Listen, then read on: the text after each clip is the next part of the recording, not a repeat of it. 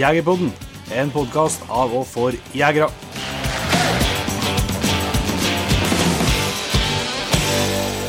Ja, hjertelig velkommen til en helt ny episode av Jegerpodden. Jon Ingevik, vi er tilbake i Indre Det er etter en eh, langtur i forrige uke. Eh, Med delte følelser vi kom nå hjem til vinter igjen. Jeg gjør det. Det var hakket mer sommerlig på Østlandet og Vestlandet, bare innse det. Det, det gikk fra T-skjorte til jakke igjen, ja. Men som vi har sagt mange ganger, det er jo det her tida som gjør det egentlig verdt å bo i fjellet. Ja, absolutt. Så vi skal vel ikke uh, klage. Vi skal også tilbake den vekka her da, til turen i, i før vekka, for å si det helt enkelt. Der vi var inne på Jakt- og fiskesenteret Ja. og traff eh, Anders uh, Storm Nilsestuen. Ja, og Neivind Lurås. Yes. Og eh, vi snakka egentlig litt, for så litt uh, lyst og fast og litt jakt uh, med gutta og boys. De er jo veldig ivrige jegere, begge to. Mm. Men så det vi snakka om på forhånd, det var litt nysgjerrig på egentlig å vite litt mer om hva de holdt på med på fiskesenteret. Ja, og det er ganske mye. Det er ganske mye forskjellig. Og det er jo mange måter å utvikle seg som jeger. Du kan jo eh, jakte mer, det er kanskje det aller beste tipset. Og så kan du jo høre på Jegerpodden. Det kan jo være tips å plukke opp noen gang. Men så går det jo an å, å ta noen kurs, og det er nok heller ikke så dumt, da. Og de har jo kurs både for dem som eh, vil utvikle seg som eh, jegere, men også for de som er interessert i hund og skjøting og det som er. Så vi tok rett og slett en liten gjennomgang til den eh, kursplanen deres for å hjelpe, eh, hjelpe folket, våre lyttere, kanskje til å få litt inspirasjon, og kanskje noe du har lyst til å henge deg på på noe. Ja, og ikke minst eh, den eh, porteføljen med instruktørutdanning som eh, man kan eh, få seg gjennom eh, kurs, eh, kurs oppå dere. Det er jo eh, det er ganske mye, det òg. Yep. Så det skal du nå snart få høre. Men før vi går over til det, så må vi dessverre, vil jeg si, innom et eh, en hendelse eh, som setter spor eh, for eh, redaksjonen, og spesielt for deg, Inge, denne vekka her, med, med en av dine store stjerner som eh, måtte avgå med krigspensjon. Yes. Norma. Det ble sånn, ja. Det, den kom til fortere den dagen her enn jeg trodde. Eller ikke den her, men eh, den dagen der, der den avgjørelsen måtte gjøres. Eh, Hun var jo en, begynte å bli en eldre hund, og ti og et halvt år, men eh, Det var ingenting som tyda på det. Nei, hun var frisk og rask, eh, formen, og så eneste hun merka ikke noe, på alderen hennes på et vis i skogen eller eh, i Kvaløya eller noen ting. Det, det var eneste, eneste som merkes, det var at hun måtte ta lengre tid på å restituere seg etter at hun ble brukt. Bortsett fra det så var liksom ikke alderen, alderen noe problem, så hadde hadde virkelig et håp om at hun skulle være med i eh, to-tre år til. da. Eh, Men eh, sånn ville ikke, ville ikke verden det. Hun ble brått dårlig på søndagen. Min fru skulle ut og fôre dem, og da, da når hun var ute i hundegården, da, og da så hun at ikke var i form, så hun tok henne med inn. og Da var jo ja, i veldig dårlig slag. da. Hvit i tannkjøttet og, og veldig kald. og alt i hop, så vi tok han inn, inn og varma opp. Og så ble det straks likere da, men eh, så vi at det var noe med buken på. Så um, ja, det bar seg til veterinæren en tur på mandagen og, og fikk gjort undersøkelser der, og der vi fant at hun hadde ja, væske i buken, da, eh, som lå, lå litt her og der, og, og hun var jo tydelig vondt. Uh, så måtte, ja, vi måtte ta litt avklaringer. Så ble det operasjon på onsdag. Og da var jo da med, Ja, da, det ble en sånn Det var jo noe galt her, og det var jo væske inni her, men vi visste ikke helt hva det kom ifra. Så da hadde vi jo en avtale på at, på at de skulle åpne opp og se. For mistanken var jo at det var noe med livmora, som det nå bruker å være på tispa, da, som blir gammel. Men uh, livmora var helt fin. Eh, Men blodet kom da ifra, ifra en svulst på, på en lymfekjertel Ja, Som var sprukket. Som har sprukket. Ja. Så det var jo ikke Ja, det var ikke noe trivelig Nei, eh, i, i buken på. Og så ble det jo fort un- undersøkt og bekreftet at den, eh, den kreften har spredd seg til andre lymfekjertler òg. Mm. Så da var det egentlig eh, Det var egentlig ikke mye mer å, å gjøre noe med. Mm. Så da måtte han ta den avgjørelsen der og da at, at hun skulle få slippe. Da. Mm. Så da, da ble det eh, rolig og fin avliving på, på operasjonsbordet. Ja. Uh, og det det gikk noe greit, det, men uh, jeg kjente jo med en gang at dette kanskje jeg klarer å kontrollere òg. At jeg var litt forberedt på det. Men uh, det var helt til jeg gikk ut døra og kom for meg sjøl. Da Ja, det var jeg noe Nei, men det er jo Det er jo Ja, det er noe største minuset med å ha hund. Det er jo at den Det dagen, den dagen følger seg kommer. Ja, og så og så var det noe spesielt med henne, da. Med første støveren og den, altså den reisen som, som jeg og hun har vært gjennom i dag. Mm. Med, altså, ja, hun har lært meg så utrolig mye og forma meg som jeger, da, på mange vis. Eh, Og gjort meg så mye bedre. Mm. Så hun har jo, har jo betydd så mye og åpna mange nye dører for eh, ja, ny jakt og mer jakt og nye trivelige bekjentskaper i form av det som nå har blitt kompiser og, og alt i hop. Så eh, nei, det, ble, det er litt eh, Det var tussig å være til i går. Ja. ja, de setter jo så Alle hunder setter jo spor, men jeg tror nok det er som du sier, altså den her første, ikke første hunden men altså den første hund til den jaktformen. Det er klart, som du sier, spesielt det med at eh, Spesielt kanskje læringa. Altså det, og det båndet som det om, det, om hund merker så mye av det, det er kanskje én sak, men også vi, vi jegere i hvert fall merker kanskje spesielt godt det båndet. Fordi at eh, det føles som at det ja, kanskje i hvert fall for min egen del, eh, med, både med Dina og med Eiko, så føles det jo som at eh, det er dem som har lært meg, Ja. og ikke motsatt. Nei. Og jeg tror det er derfor at de, de til Du skal ikke rangere hunder opp mot hverandre, men, eh, men eh, jeg tror nok man, eh, uten at man tenker over det, knytter sterkere bånd til Ja. på, den, på den måten der. Da. At man, man lærer, så, lærer så mye av dem. Mm. Uten at de Det trenger ikke være noe, noe store stjerner eller noe sånt, hundene, Nei, nei, før at man nei. gjør det. Men, men nok til at du da skjønner at, at her må man utfordre seg sjøl for å Ja. klarer å felle det byttet som er framom. Ja, og så er det noe Hvis du tenker at et sånn vi gir et bilde på hvis du skal ha altså at fra, eh, fra du ikke vet eller kan noe om f.eks. som her er med, med rev og gaupejakt med hund, da, eh, til at du vet alt, så kommer du aldri til at du vet alt. da. Men hvis du tar den skalaen fra 1 til 100, så løfter jo den første hunden deg fra 1 til fra 0 til 70, Ja, ja, ja. kanskje. sant? Og det er klart at neste hund da, kanskje kan løfte fra 70 til 75, men, eh, men det blir jo likevel ikke den samme reisen. Nei, det er Selv om, selv om alle hunder er forskjellige og, og de blir aldri utlært, så er jo liksom, det er et så stort løft. da. Nei, Det er jo en, eh, tung eh, synes jeg, tung, tung beskjed å få. Ja. Men eh, jaggu har jeg hatt et bra jaktliv. da. Ja, det, det var en som eh, Det var en som skrev det til meg her at du kunne du kunne, for det var jo, Der var det jo Tvert det var hvitting i et spor til henne, så var det jo lyd. Ja. Så det er noe det er noe tusen losminutt å se tilbake på gjennom de siste ti årene med henne. Så, eh, så setter jo ting i perspektiv da, med eh, den gruppa som vi snakka om, i, som en pappa skjøt for henne i, vinter. da. Der ble liksom spøka med at eh, ja, hun, var- han var i sitt 70. år, og hun var i sitt 10. år. Og Og like gammel på et vis. ja. Litt gammel på et vis. da, at de, at de skulle lykkes i laget, da, så sa jo det at ja, det, det kan fort være den siste gaupa som ble skutt i fjerra. Mm. Det, det kom fort fram i panna igjen, det, gitt. Ja. Ble det mange gaupeaffærer til slutt? Nei, den totaloversikten er noe vanskelig, men eh, en plass mellom 12 til 15, da. Altså noen, eh, noen, Noen grupper, ja. noen vært har vært med med flere, og noen Ja, jo det er tatt Det er jo ofte det som skjedde, at hun lette opp dem, for hun jo hun har vært dønn solid på, på spesielt køyspor. Har aldri gitt seg og har kunnet stole 100 på det. Det har endt opp med at hun ofte har eh, tatt ut dem, men at hun har tømt seg og så på nye. og sånn. Så. Det er en plass mellom 12 og 15. Eh, så, men så er det, det som er artig med at det er jo mange av dem som er i stålos eller på bakkene eller i tre eller litt forskjellig sånn. da. Så eh, nei, det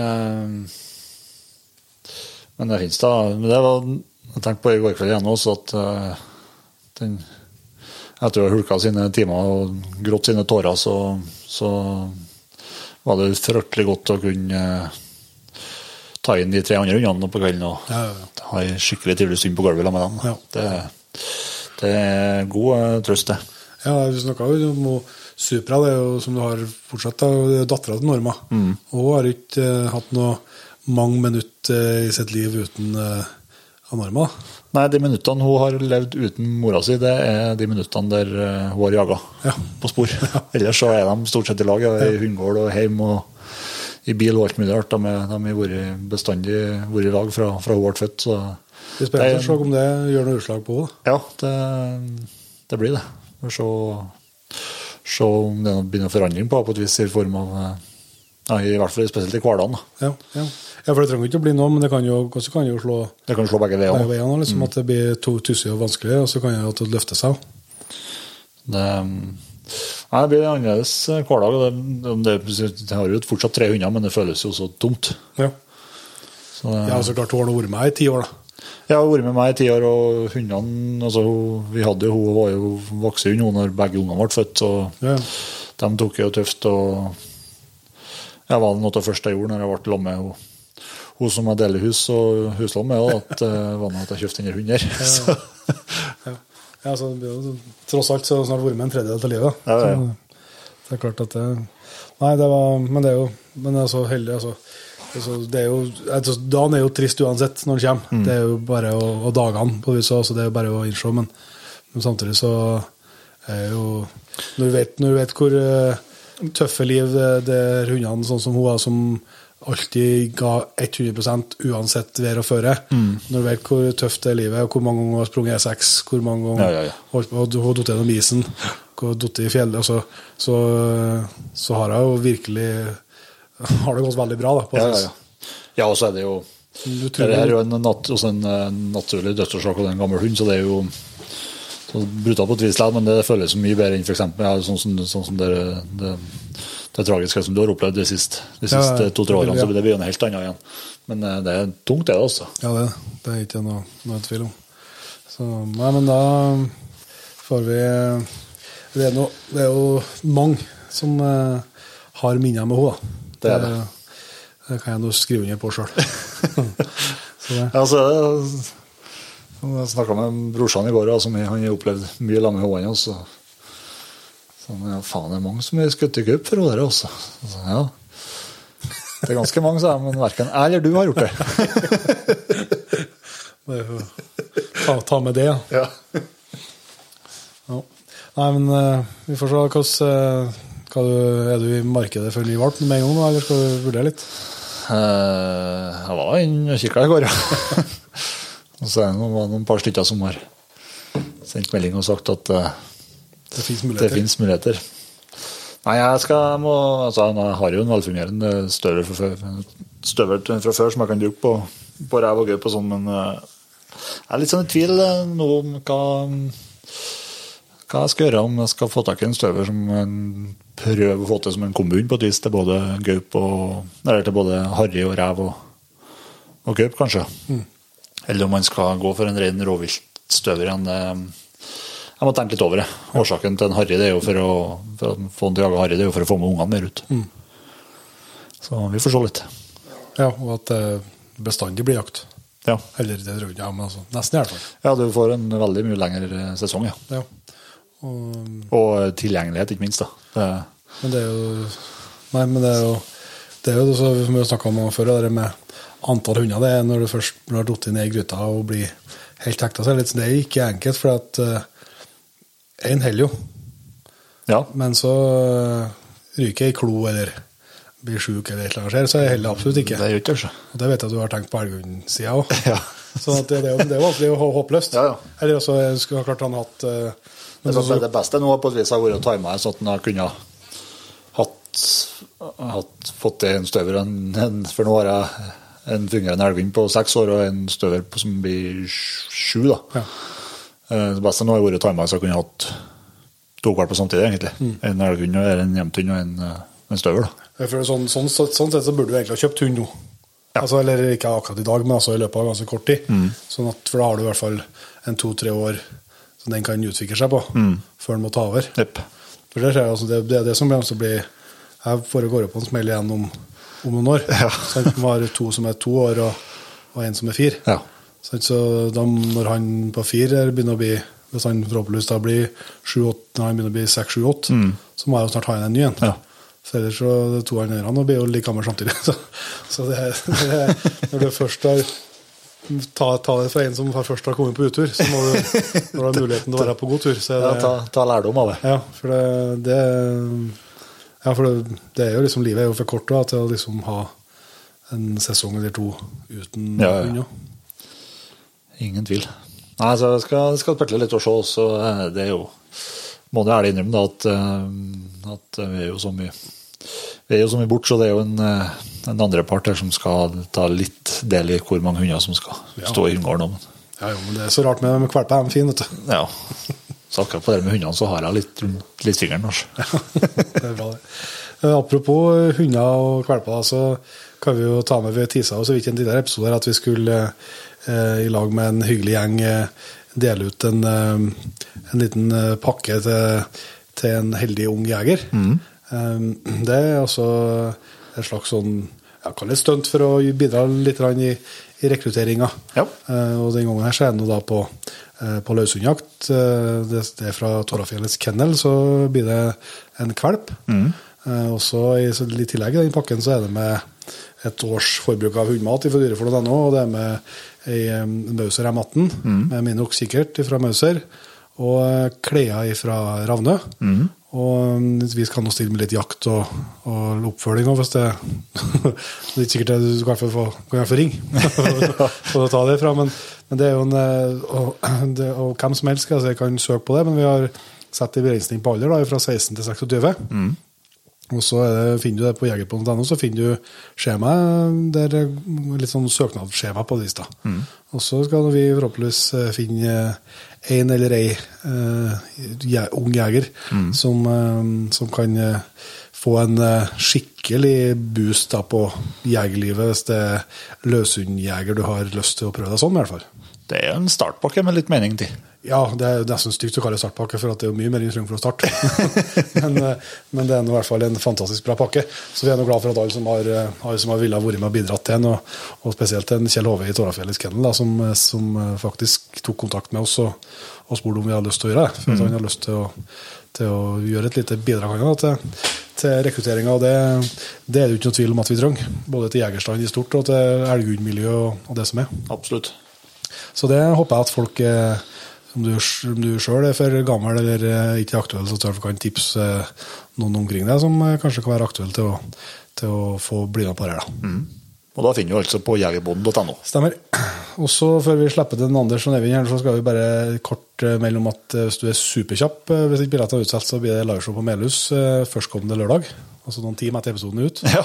Eh, og så, eh, hvis du har litt mer tid på deg, så vil jeg tipse om at vi skal til eh, NM jaktfelt. Eh, heldigvis for oss skal vi ikke skjøtte, men vi skal Dessverre så har vi tatt på oss og skal eh, holde styringa på en eh, livestream fra hovedfinalen. Yes. Så derfor ikke ble skjøting, for det var så dumt hvis vi begynte å ble med og skjøt, og så kom vi i finalen liksom, og skulle ha seier. så Det det var jævla stor fare for det. så, så da hørte jeg at det var litt greit å bare ikke bli med på skjøtinga. For det har vært ekkelt, det. da. Ja, Den tanken har ikke strefa meg akkurat. ja, men I hvert fall så blir det som sagt eh, livesending i lag med Jeger og Fisk eh, via Nilsblad ja, på, på, fra klokka tolv på mandag, Ja. 1. mai. Så da blir det fra Da skal jo alle ha fri. Ja, Så det skal gå an å følge med litt da. så da finner du det på Facebook, eh, både hos oss og hos Jeger og Fest sikkert. Og det finnes eget da for, eh, for NM Jaktfelt. Det er jo et eh, svært arrangement. De har passert over 900 deltakere nå. Så det er jo nei, det blir skikkelig artig. Jeg har jo ikke, ikke vært på sånt, noe sånt arrangement før, så det blir artig å bare få, få se det og så få være med å dekke finalen. Det blir på, på luften. Yes, Krokeleiven. Så det håper vi blir med på 1. mai, da. Men eh, da tror jeg vi setter over til guttene fra Jakt- og fiskesenteret. Det gjør vi. Da vil jeg ønske Anders Storm og Eivind Lurås velkommen til Jegerpodden. Takk for Velkommen tilbake for deg, Eivind. Takk, takk. Så vi, sist jeg traff deg, så hadde jeg et strømmertbånd rundt foten, så det er ikke sikkert det blir noen hyggelig opplevelse der rundt her. da. Så kan jeg jeg vet som- ingenting om, kan, vet ingenting om det. Jeg kommer på det. og Anders, du har jo så vidt vært med i en eh, liten gjesterolle en gang tidligere, men vi tenkte vi måtte uh, prate litt mer med deg. Så kanskje du kan få starte uh, med å fortelle litt uh, om hvem du er for noen, og hva du driver med. Ja, det kan jeg gjøre. Anders Torm Nilsestuen heter jeg. Eh, Jeg jobber da som daglig leder eh, på Jakt- og fiskesenteret. Og er da fortsatt fagkonsulent, som jeg var tidligere. Tok over som daglig leder i 2018. Eh, Når jeg ikke er på jobb, da, så driver jeg mest med jakt og jaktbikkjer. Jeg bor et lite kvarter kjøring unna her, i Gørsvik, som det heter. Eh, tre bikkjer, to jevntunder og en beagle. Den uh, beagle trenger vi ikke å prate så mye om, men for jevntuna er jeg veldig fornøyd med. Kan gjerne snakke litt om dem, men ja, det kan vi godt gjøre. Um, har, uh, er gift, har to unger. Mm. driver da mest med riflejakt. Litt haglejakt, men mest riflejakt. Mm. her på Jakt- og fiskesenteret, i tillegg til den daglige lederjobben, så er det jeg er instruktør på det som har med skyting å gjøre, og fisk. Ja. Så jeg regner med det er fisk vi skal prate ja, mest om i dag. i all hovedsak. Ja. Fluekastinstruktørkurs og litt slike ting. Først og fremst tjuvfiske. Ja, det er, det er greit. Gar, Garnfiske etter mørkets frambrudd. Ja. Del to. Men eh, Eivind, ja, du, du har jo vært med i Jegerpodden før et par runder, men eh, hvis det er noen som ikke har fått med seg, som hører på og ikke kjenner fra før, kan du jo si noen ord? Ja, ja. Kan du for noen? Kort, kort. Kort, ja. ja det er ikke så lett. Nei, ja, jeg jobba her som bare fagkonsulent. Da. Eh, Samme type stilling som Anders eh, har hatt tidligere. Eh, Jeg har rovvilt som et hovedfagfelt her, da. Så jeg driver mest med det. Men jeg har ansvar på hundebiten, jeg har ansvar på, på litt mat og slakting. og Litt sånne ting da, Så jeg er litt forskjellig meg. Eh, Bor jeg på Gørsvik, da, som det heter. Og har et litt sånn variabelt antall hunder, men akkurat nå så er vi vel på eh, åtte, vel. Ja, jeg teller litt, da. Eh, Åtte akkurat nå, eh, så litt opp og ned. Men jeg har da eh, to Laikar, to støvere eh, og eh, og ja, nå sa jeg ni ble det. Fem fiskejakter. Dukka på en til. Ja, da, så mm, forholdsvis enspora eh, interesser. Mm. Enspora hobby. Ja, jeg har sagt det før. Jeg har én hobby. Ja. Det er lite. Så det er, nei, det er jakt og bikkjer det går i. eh, Det er klart. Men eh, har dere vært her siden det senteret starta? Ja, så vi åpna jo i 2012. Eh, februar 2012. Eh, Eivind har jo faktisk vært her lenger enn meg. Han har vært et halvt år i forkant av åpning som en prosjektstilling i Norges Jeger og Fisk. Ellers så er det bare vi som er her nå, som, som har vært siden oppstarten. Det var litt variasjon i antall ansatte gjennom tida, men nå er vi da tre fast ansatte. Så det er en, eh, Eivind og, og meg, og så er det Stina som jobber på backoffice, og som egentlig er den daglige lederen, da, som sørger for at ting virkelig flyter. Det er korrekt. Det er hun Så- egentlig skulle prata med. Det er nok hun egentlig skulle prata med. Ja. Ja. Men Når du har to av tre ansatte, altså, hvordan er, hvordan er Anders, Anders som sjef? Går det bra? Nei, altså Det er veldig fint, det. Men hører jo ikke på noen ting til hva han sier, så det er jo vanlig, det. Det gjør seg Har selv. ikke han, har ikke han gjort med noen av sine sjefer før heller, så da vet du veldig enkelt det funka. Han kan prøve å si noe, og så er svaret fra jeg og Stina eh, nei. Og så ble ikke jeg noe. Så det, nei da, vi hører jo litt på han, da. Det er, ikke så, det er ikke så ille. Hvordan er de ansatte? Nei, altså jeg, jeg tenkte at hvis jeg skulle få et spørsmål om så skulle jeg skryte fælt, men nå, nå butta det jo litt. Da. Nei. Nei, vi er jo veldig, vi er jo veldig heldige. Vi er jo tre fast ansatte. eh, Og eh, jeg må jo si det at uten de to andre ansatte, så hadde dette her vært tungrodd. Eh, Stina er på en måte den som er her fra åtte til fire. Har stålkontroll på alt alt sammen skal skje når det skal skje. Eh, Eivind han veit ikke noe om arbeidstid, egentlig. Eh, og er det spårsnø, så har vi jo fri. Eh, men han er aldri vanskelig å spørre. Er det noen spørsmål, så er det alltid ja. Eh, så, sånn sett så er jeg jo veldig heldig. Eh, vi er jo ganske godt drilla. Vi har jo jobba sammen nå i over ti år. Og eh, det er nok riktig som Eivind sier, at eh, vi har jo ikke hørt på noen daglige ledere før. Så hvorfor skal vi begynne med det nå? Og vi sier jo ikke nei, vi sier nei. Og, det er greit. Og er det tre ansatte, så er det egentlig greit. Hvis to sier nei og en sier ja, så blir det som regel sånn. Så jeg tror ikke det er mange ganger jeg måtte skjære igjennom meg nå. Det tror jeg går som regel greit sjøl. Litt som å være ansatt i Jegerboden. dere. Ja. Utfordringa der er at jeg er jo to, så det blir jo på en måte Hadde hatt en tredjepart, så hadde det vært enklere. Ja.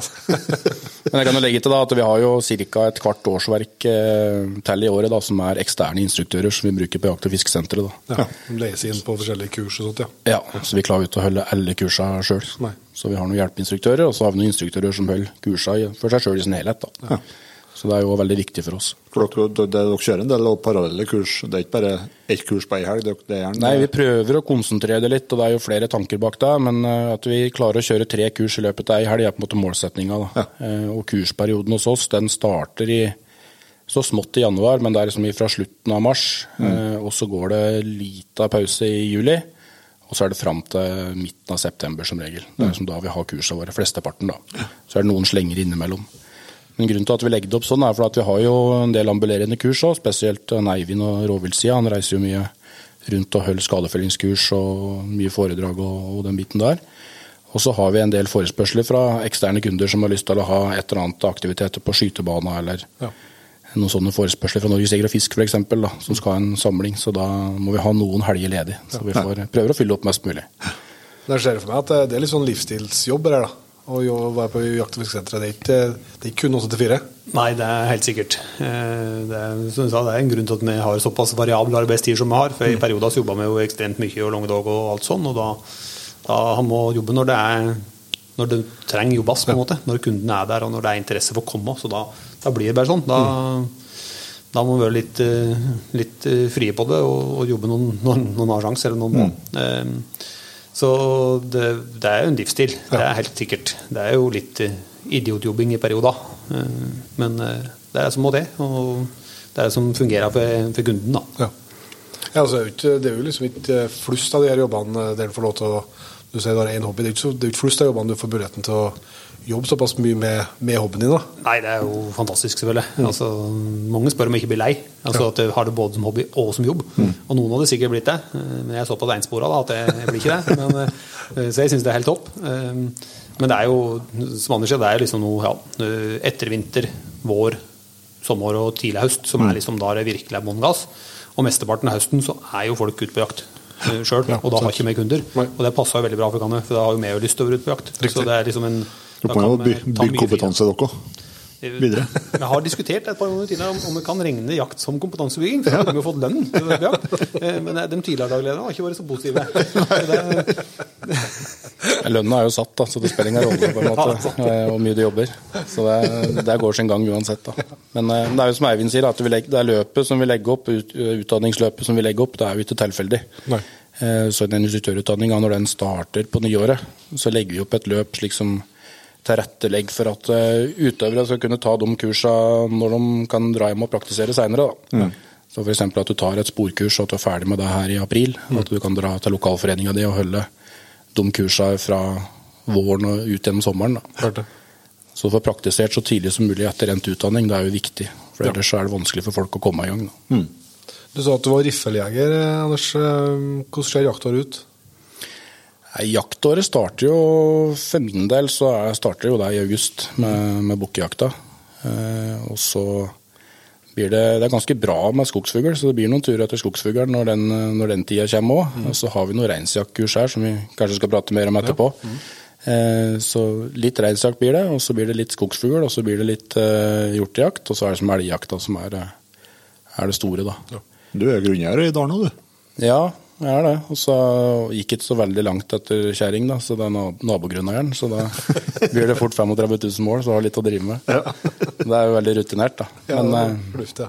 ja, så det er jo mye jakting rundt omkring eiendommen hjemme, da. Så det er eh, veldig fornuftig det, syns jeg. Og så har vi litt ja, litt, litt i Sverige jakter. Eh, jakter litt rev rundt omkring. Men er, jaktåret mitt er som elgjakta, og så revjakta da når sportsnøen kommer på nyåret. Og så gaupejakta er jo et veldig stort høydepunkt. da. Ja. Og siste åra nå så har jeg vært litt uh, i Sverige på bjørnejakt, og det, det gir jo veldig mersmak, det må jeg si.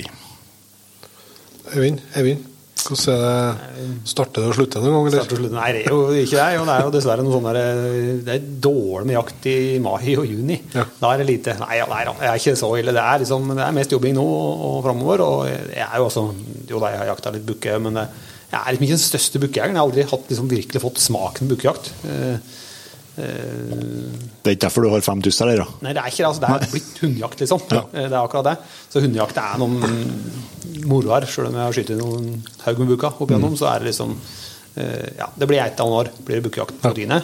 Eh, Men jeg jakta like gjerne litt gås eller noe sånt, jeg, altså. Fra 10. august. Eh, Og så er det egentlig bjørnejakt i Sverige som starta. Altså enten reinsjakt 20. august, det hender, men oftest er jeg på, i bilen på tur til Sverige. Og bjørnejakt den 20. august. Eh, Så, så det er liksom bjørnejakt som starta det Mm. eh, der borte. Og så er det jo slag i slag, som Anders sier. Da er det jo hjortejakt og reinsjakt i september. og, og eh, andre sånn annet småvilt med litt ender og litt gås og sånn utover, hvis det er noen sjanse. Og så er det elgjakt og rådyrjakt eh, videre utover høsten. Altså, det er de fire hjortevilter jeg er mest i på høsten. Eh, og så er det, har jo støvrann, så det blir rødjakt når det er sjans når det blir Det er jo sportsnøsesongen mest. Eh, altså, man kan sikkert jakte røv mye tidligere, men, eh, men det er jo når sportsnøen kommer, så det blir jo, sånn, det blir jo vinterstid med rødjakt. Eh, og gaupejakt, selvfølgelig. eh, Som er ganske en forholdsvis viktig dato. Sånn. Jeg følger jo litt med deg på, på sosiale medier. Vinter legger du ut mye artig. Hvordan uh, Revjakta i vinter, hvordan har den Godt, Gått skralt, altså. Nå, det, er, altså det, har vidt, det som er litt ille, da, er at det har ikke gått så skralt sånn altså, bikkjemessig og sånn. Nei. Det er bare at vi som er der på jakt, vi klarer ikke å få livet av det som er framover. Men det, det, det, er jo derfor vi jager, det er derfor vi jager ræva, for at hundene skal gjøre det bra. Ja, det er litt moro å få det.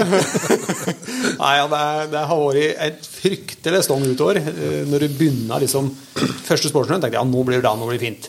Og så gikk det jo bare litt, og så kom det jo 1,5 meter pudder. ikke sant? Og bikkja hoppa, han slepte han gamlestøvelen på et spor, han hoppa av veien og kom 160 meter. Da sto han bom fast. Kom ikke, kom ikke av flekken. Nei. Det var flatmark, liksom. Da sto bare og var borte. Er Helt løst til bunns. Og sånn var det jo i lange tider. Ja. Da kom det til Trøndelag. Kom mildvær og skare. Ja. Så da var det jo like ille. Ikke sant? Det gikk jo ikke an å slippe bikkja at vi var sårbent på 100 meter. Ikke sant? Så, så det, var jo, det har jo vært et dårlig år sånn. Eh, og de få periodene det har gått an å jakter, da, så har vi stått på feil plass til feil tid, selvfølgelig. Så det har vært mye sånn. Eh, Det hjalp seg litt på slutten, da. Jeg løsna litt mer, for jeg skjøt noen røver i noen fine loser på slutten. Det, det hjelper jo. Det er godt å avslutte siste dagen, siste slippet, med en skikkelig skikkelig bra los. Ja, ja, ja. Kanskje årets beste los. Og få skyte i etter noen fire mil. Ja. Eh, da var det liksom Da det, er- det, det, det er godt å ta det som siste. Da sitter, jeg fast til neste, fram til neste år, så er jeg skikkelig på at nå. Skikkelig motivert. Så der, ja. Nå har det vært utfordrende med snøen og temperaturen. Altså, I eh, begynnelsen av gaupejakta her så sto på post uh, i ni varmegrader. Du skal ikke gjøre det på gaupejakt. Det skal eh, være så kaldt at du ikke klarer å stå rolig. Så det var liksom T-skjorte og tynn jakke når vi gikk på sporet der. Og det, mygg. Ja, det skal ikke være det i Hallingdal liksom i, i februar. Det er helt uaktuelt. Så det har vært litt utfordrende før, da, må vi si det. Og det er jo snørekord så det holder. Men det, er- men det er bra. Altså, jeg, er litt, jeg legger ut sånn på Facebook. For at det, det er Ja, sånn altså, de fleste folk jeg, har det. jeg, så stort sett så sitter jeg bare og scroller gjennom, men det er historien din, de, de leser det Fra start til slutt, ja. Men, men for de fleste så er det jo sånn. Ja, ja. Eh, altså, Det er jo dere- det er jo dere som er i jakta. Ja, ja, ja. Det er ingen som har det at det bare går rett vei. Ja, det kan gå i perioder, men, men alle møter jo sånne dager. Ja, ja. Selv om mange kanskje mange som starta med jakt, eller driver, har begynt, da, har inntrykk av at det er liksom det er, det er jo at det går feil eller dårlig en Mm. dag. Det, er, det er liksom bare Det skjer ikke for dem som er flinke, liksom. De som driver på mye. det de har aldri dårlige dager. Alle har det. Eh, Så det er, det er like viktig å legge ut det, og så er det underholdning, da. Ja, jeg du det, det er underholdende. Det, ja, altså, det er jo nesten som ei, nesten som ei jaktdagbok på et vis. Ja, ja, ja. Jeg blir beskyldt for å blogge iblant, men jeg sier nei. Ja, bloggere. bloggere. Kunne tippe at det kom derfra, ja. Ja, ja. Jeg er kanskje ikke like aktiv på sosiale medier. Nei, men det er bra, men Da har vi jo fått etablert litt her. Men eh, vi, vi tenkte vi skulle prate noe om det. det er jo så, så Vi er jo på jakt- og fiskesenteret, og vi skal snakke litt eh, Få ut litt info om eh, Det foregår masse som du sier, kurs sant? hele, hele håret Og i store deler av eh, Nå er vi liksom kanskje midt i oppstarten. da, og Det er jo både instruktørkurs og det er kurs som eh, alle kan komme og delta på. Så jeg vi, vi har liksom beskrevet det nå. Men vi har eh, klart å funnet fram til at det fins, og så kan det være at vi har glemt det nå, men da får vi ta det. For Hvis vi deler opp det sånn at folk kan henge med, altså, har vi først noe å kalle instruktørutdanning. Og Det er på et vis ikke bare for at du sjøl skal bli dyktigere, men det er for at du skal lære deg å lære forskjellige greier bort. da. Ja, altså Instruktørutdanninga det er jo hovedgrunnen at vi driver med det, er jo for å lage og skape aktivitet i lokalforeningene. Ja. Og når du da kommer hit og tar et instruktørkurs, så da kan du holde utøverkurs sjøl i egen lokalforening. Mm. Det er liksom tanken bak det. da. Så, sånn som vi har satt opp eh, løpet nå, så tilbyr vi alle instruktørkurs i Norges Jeger og Fisk eh, her på senteret. Mm. og det er jo eneste grunn til at vi gjør det, er for å skape så mye aktivitet som mulig. Eh, og det er jo lokalforeninger og fylkeslag som arrangerer dette her rundt omkring òg. Eh, men det er ikke alle som har muligheten til å tilby det. Nei. Så for Vi har jo fylkes- eller regionsinstruktørordning da, som, som eh, utdanner instruktører i alle fylker. Ja. Eh, Men det er ikke alle fylker som har en instruktør. Derfor så setter vi opp sånne standardiserte kurs her oppe i Jakt- og. Det vi ser er at vi fyller kanskje et kurs med 20 deltakere. Og det er jo fra hele Norge. Mens eh, hvis du skal ha et, eh, et instruktørkurs en annen plass, kanskje du har fire. Og da blir liksom den kursopplevelsen blir jo litt begrensa. Ja. Så er det noe med å komme bort på kurs, at du er liksom borte hele helga. Du skal ikke hjem til å hente noen unger. Det er liksom, Du har sett den tida til å den tida er der, og det er jo Da, blir- det litt enklere å forholde seg til òg, da. Og det er jo mange lokalforeninger i dag som bruker eh, jakt- og fiskesenteret som en slags belønning, kan du si. da. Ja. Eh, for de som har bidratt mye i eh, egen lokalforening eller egen klubb. Ja. Og sender dem hit på kurs eh, som en eh, høydare for dem. da. Ja. Det er jo vel rundt, da, men hvis du tar eh, de forskjellige instruktørutdanningene, da. eh, Det, det er både på hund og på skyting. Ja. Det er liksom det det, det, det er instruktørdelen. Hvis vi starter med, med hund, er det du som har det? Ja, det er mitt ansvar, da. Da har du jakthundinstruktør, jeg har lest meg fram til. Ja, og Det er jo på en måte en, altså en fellesbetegnelse for de tre instruktørene vi har, de tre okay. greinene. Eh, og så har vi en jakthundinstruktør trinn to, eh, som er på en måte en sånn, et sånn overordna kurs da, Ja. over de tre greinene, som er et sånn videreutviklingskurs for instruktører. Så vi har på de tre delene så har vi dressurinstruktør, okay. som er ett emne. Så har vi ettersøkinstruktør, som er et annet. Og så har vi aversjonsinstruktør, som er et tredje. Ja. Så de tre greinene er liksom de tre som blir kjørt i jeger- og fiskeregi. Da. Ja. Eh, Så da alle som skal gå sånn instruktørkurs, må gå et jakthund grunnkurs, Sånn det heter. Et sånn basis hundekunnskapskurs. Som, som er på en måte det er ett et kurs alene. ja, som det er ett kurs. Eh, Ei helg Ja. eh, med på et eget kurs for å ha basiskunnskapen. Mm. Og så går de da spesialiseringen neste helg seinere. Så det er helg nummer to, da tar de spesialiseringen sin innenfor hvert enkelt tema. da. Ja. Så kan du velge å bare bli på ett tema, eller så er det mange som er på flere tema. da. Ja.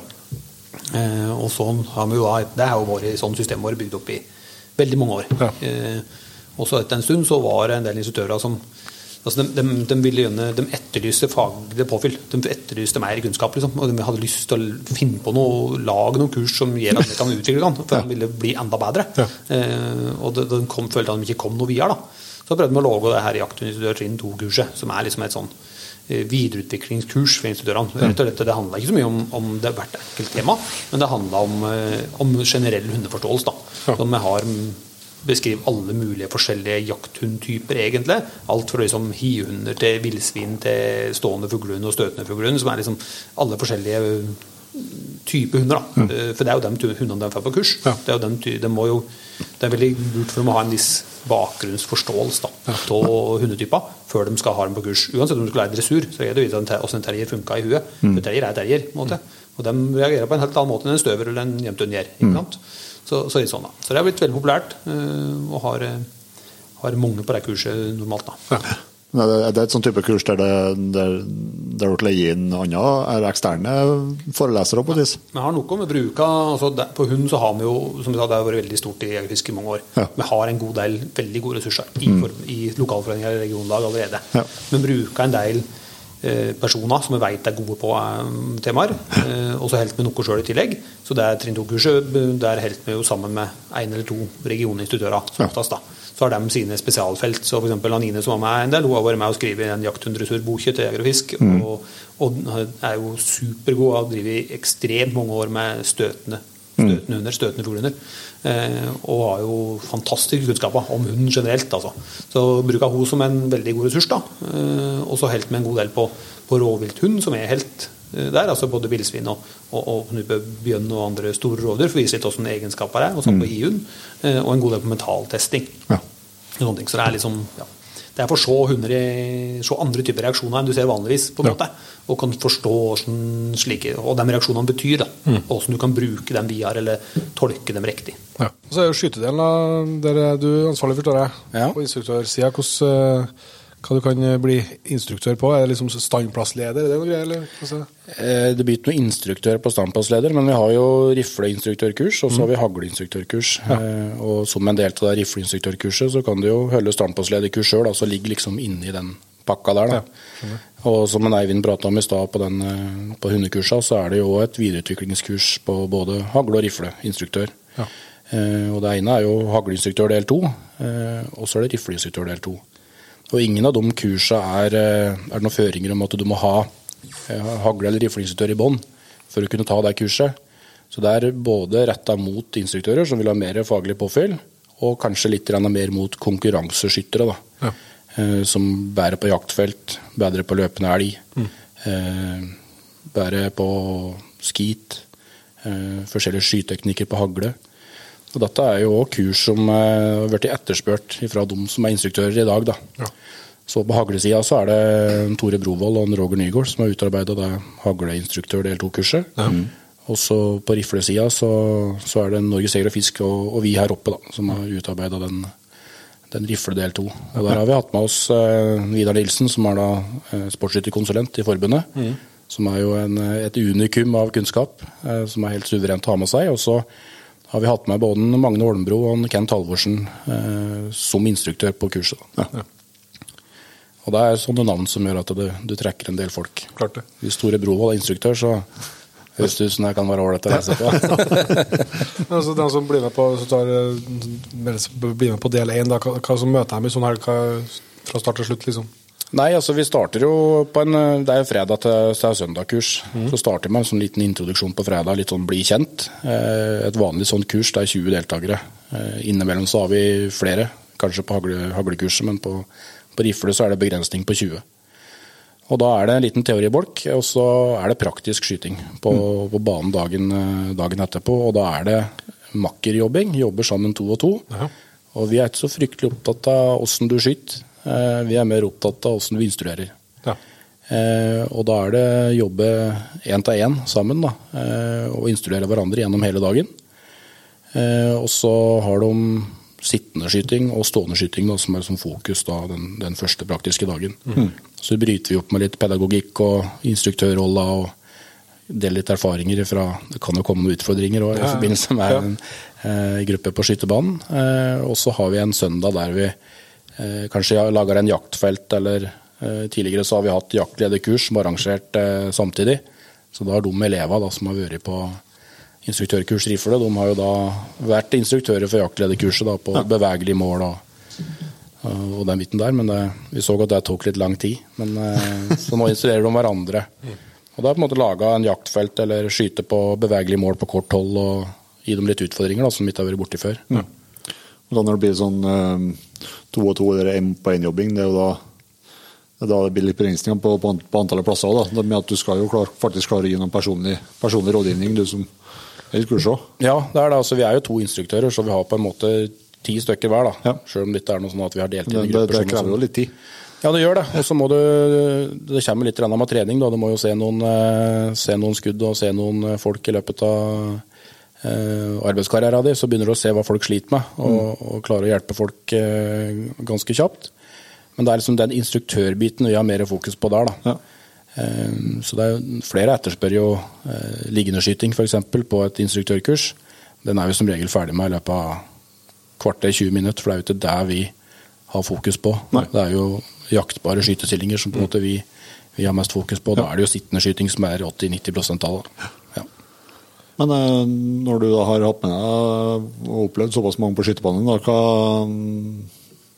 hva er liksom de vanligste utfordringene med altså Det er både instruktører og utøvere som kommer på banen. da, Hva er, er det eh, utstyr som ikke passer, eller er det skytestillinger? Hva, hva er liksom de vanligste årsakene? Ja, eller ja, er hvor, hvor, har man forbedringspotensial? da? Nei, det er nok på alle plan. Det er ikke det. Men det som kanskje ser eh, Det er to ting som skiller seg litt ut. da. Og det er jo Utstyret er jo én ting. Ja. Eh, og Jeg sier ikke at du skal ha dyrt utstyr eller du skal ha den råeste kikkerten eller sånn og sånn. Men at det er mange som har utstyr som ikke passer. Ja. At kikkerten er skrudd fast for langt bak eller for langt fram. Du har ingen kinnstøtte, så når du legger kinnet nedpå, så ser du egentlig bare rett i bolten. Du ser ikke gjennom kikkerten. Um, ja, litt slike ting. Um, ellers så er det den settingen med å være på skytebane med mange andre i en kurssammenheng. Det gjør at du blir litt usikker. Ja. Og når du er usikker på skytterbane, så da er da det fort kan skje ting, da. Så det er på en måte den viktigste jobben vi har på, på banen, er på en måte å, å følge med på det. Mm. Det er der store, store utfordringer ligger. og på et instruktørkull på rifle for eksempel, eller, eller hagle, så er det ikke så, så vanskelig. Men vi har jo noen skadefellingskurs. Vi har noen utøverkurs der, ikke sant, Eivind? Der det er eh, kommer en eller annen kar i 50-60-årsalderen som eh, har kommet seg på kurs med 378-en sin uten demper og mye folk, og der er det en skyteprøve, det er en eksamen, du har litt press på deg. Og vi har jo hull i taket, eh, dessverre. Det, det har skjedd, men det er litt annet, altså det er jo en hurtigskyting, det er litt stressa situasjon av mening. da, og, og det er sånn det er, du, må liksom, du må følge med på dem, altså. Så, men, eh, men det er jo, altså, jeg må si det, det er en veldig sjelden, det er veldig sjelden noe problem. Det har jo aldri vært noen ulykker, og vi har ingen store avvik. Og det er som regel å, å ta tak i dem, den enkelte det gjelder. Altså, det er aldri noe kjeft å få, liksom. Det er bare å, å få roa det ned. Men eh, ja, det er, vi prata litt før vi starta her òg, at det, er, det har jo skjedd litt på den eh, skytefronten og med hva folk kjøper. Og folk er litt mer bevisst på hvilken type våpen de skal ha, kanskje litt mer hvordan det skal eh, passe. Ja. Og Den første skadefrihetskursa vi hadde her, Eivind, da tror jeg vi brukte to timer på å teipe børser og justere kikkerter. Og nå er det kanskje et kvarter, så er vi i mål. De aller fleste har justerbare stokker og har våpen som passer på en helt annen måte i dag. Ja. Det er Folk har blitt litt mer bevisst, da. Ja, altså, det, men det har jo, det har jo bransjen òg. Altså, Ja. De fleste nye riflene nå så er det som regel en eh, justerbar kittstøtte og kanskje lengderetning på kolben og litt forskjellig. da. Ja.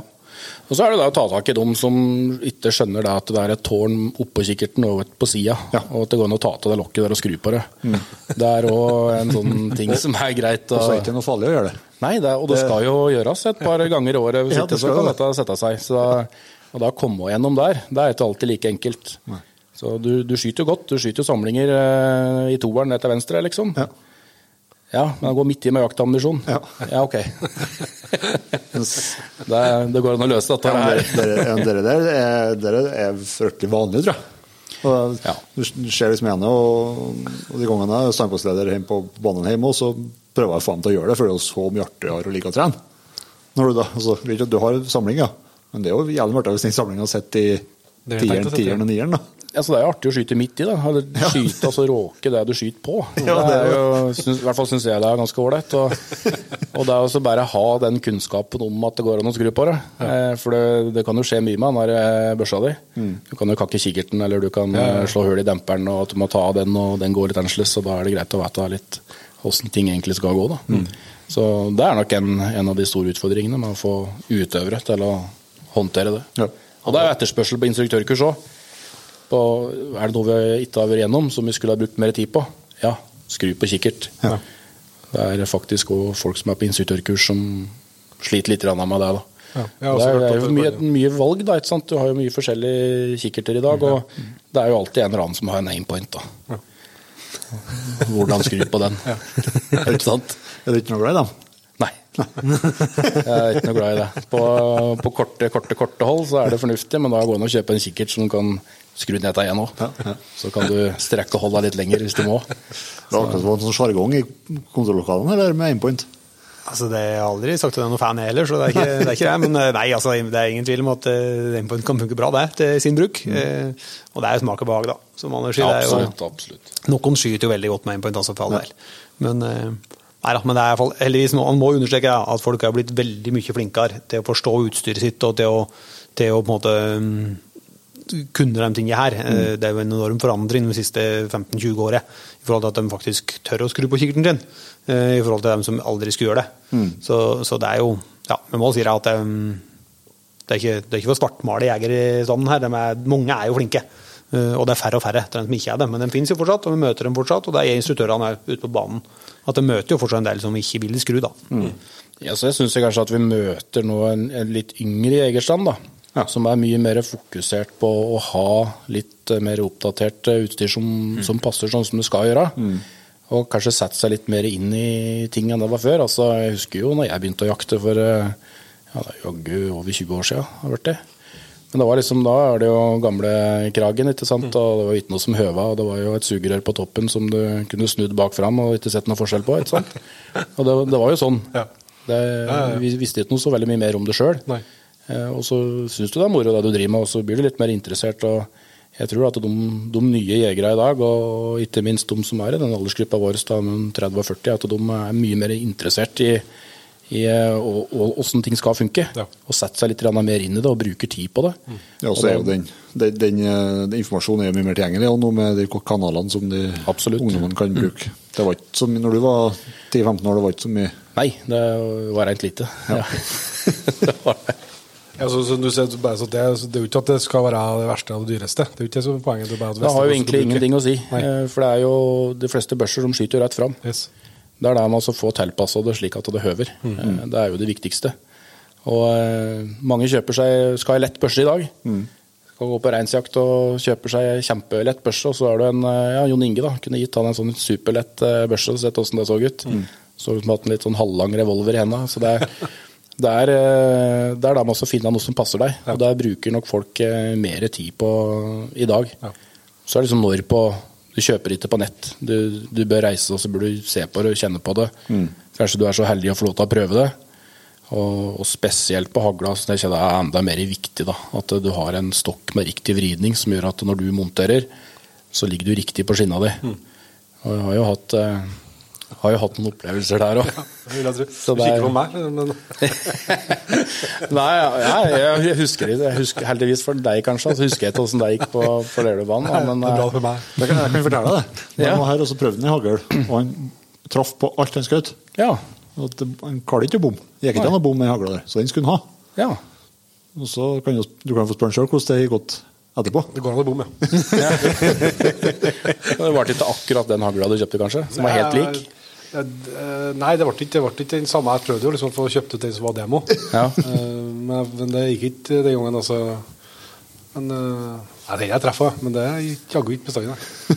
Nei, men du jakter med hund, gjør du ikke det? Jo da. Jo da. Ja, det er jo is i magen, og så går det som regel bra. Det er det som er problemet. Men, der, eh, men på hagl, altså, der, på instruktørs altså, derfor kan jeg, Du sa at det var, fokus på Det er sikkert litt viktig å få fram, altså, det er fokus på det å lære bort. Ikke nødvendigvis at du er superskytter sjøl. Det er pedagogikk. Ja. Veldig veldig mye av dette her er pedagogikk. Og så ligger det jo egentlig et, et krav i bånn om at du, du skal være egna som instruktør. Du, da må du ha tid. Det er jo viktig. Og så må du ha lyst. Og så er det jo på en måte motivasjon til å kunne drive med det. Ja. Og hvis du har de tinga der på plass, så trenger du ikke å være i norgestoppen på skit for å lære bort noen å skyte hagle på en trapp. Nei. Og de fleste lerdubaner rundt omkring i landet i dag, det er jo ei jegertrappbane ja. som Norges Jeger og Fisk har. Her og der. Noen eh, sportingbaner og noen skitbaner og litt press og sånn er det. Men eh, det er, vi starter som regel på egentrappen. Ja. Så det er sånn der det begynner. Men det, for å bli med på sånn instruktørkurs, da, både for, for hund og eh, Kan jeg bare bestemme meg for å melde meg på det, eller må det komme via ei forening? Nei da, du kan bare bestemme deg for å melde deg på. Ja. Men jeg vil nok tro at 85-90% av dem som er med på instruktørkurs her, de får dekt kurset av sin egen lokalforening.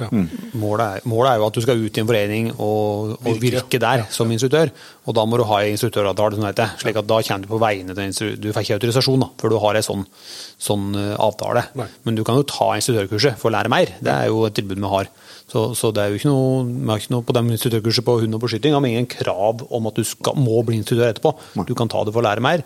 Men, eh, men eh, de fleste som kommer, til Anders ja, skal jo ut ved en forening. Det er jo det som er planen. Ja. Og da er det jo vanlig at foreningene dekker hele eller deler av av kurset for en. da. Så hvis man liksom kjenner på at dette har vært spennende, så er det en typisk inngang da, å prate med lokalforeninga, så enten du ikke eller blir medlem, eller hvis du ikke er det, og, og høre hva er det behov for, da, så, som passer dine interesser. Og ta den veien. Absolutt. Ja, Absolutt. vi har jo noen store foreninger nå, som Solheimskogen og Oslo Jeger og Fisk. De er jo veldig store. Og de har mye instruktører nå. For det er, de bruker denne belønningssystemordningen sin og sender folk opp til oss, oss når de har bidratt mye på skytterbanen eller har muligheten til å bidra mer. Ja. Så de sender jo folk att masse, og det er jo folk fra Det yngste tror jeg var 17, og eldste har vel vært nærmere 80. Så de sender jo på en måte Det er jo alle aldersgrupper. Og, og det vi ser nå som er positivt, er jo at vi har jo nesten halvparten på, på hagleinstruktørkurset er jo damer. Kult. Det er jo det er bra. Det er positivt. Da.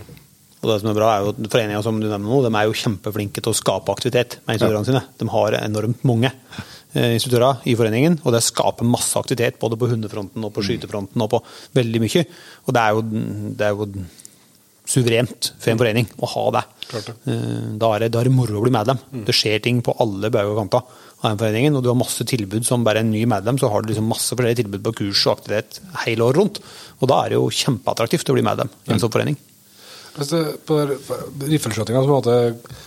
Det syns jeg det er lettere å se for seg den instruktørjobben. På, på hagger, så det går jo jævlig fort. da. Altså Du skal, du skal stå og vurdere hvordan, hva er det personen du har framfor deg gjør feil. Hvordan, eh, altså, nå må jo folk helst gå kurset, men hva kan du se på podkast om liksom, hva, hvordan, hvis jeg skal finne ut hva Inge gjør feil når jeg er på banen? Nei, altså, Det er jo på en måte en sånn sjekkliste da, som vi begynner med. Så Hvis du ikke hatt med Jon Inge, da, eller hvis det var du som sleit mest, da var det kanskje du som skulle være med.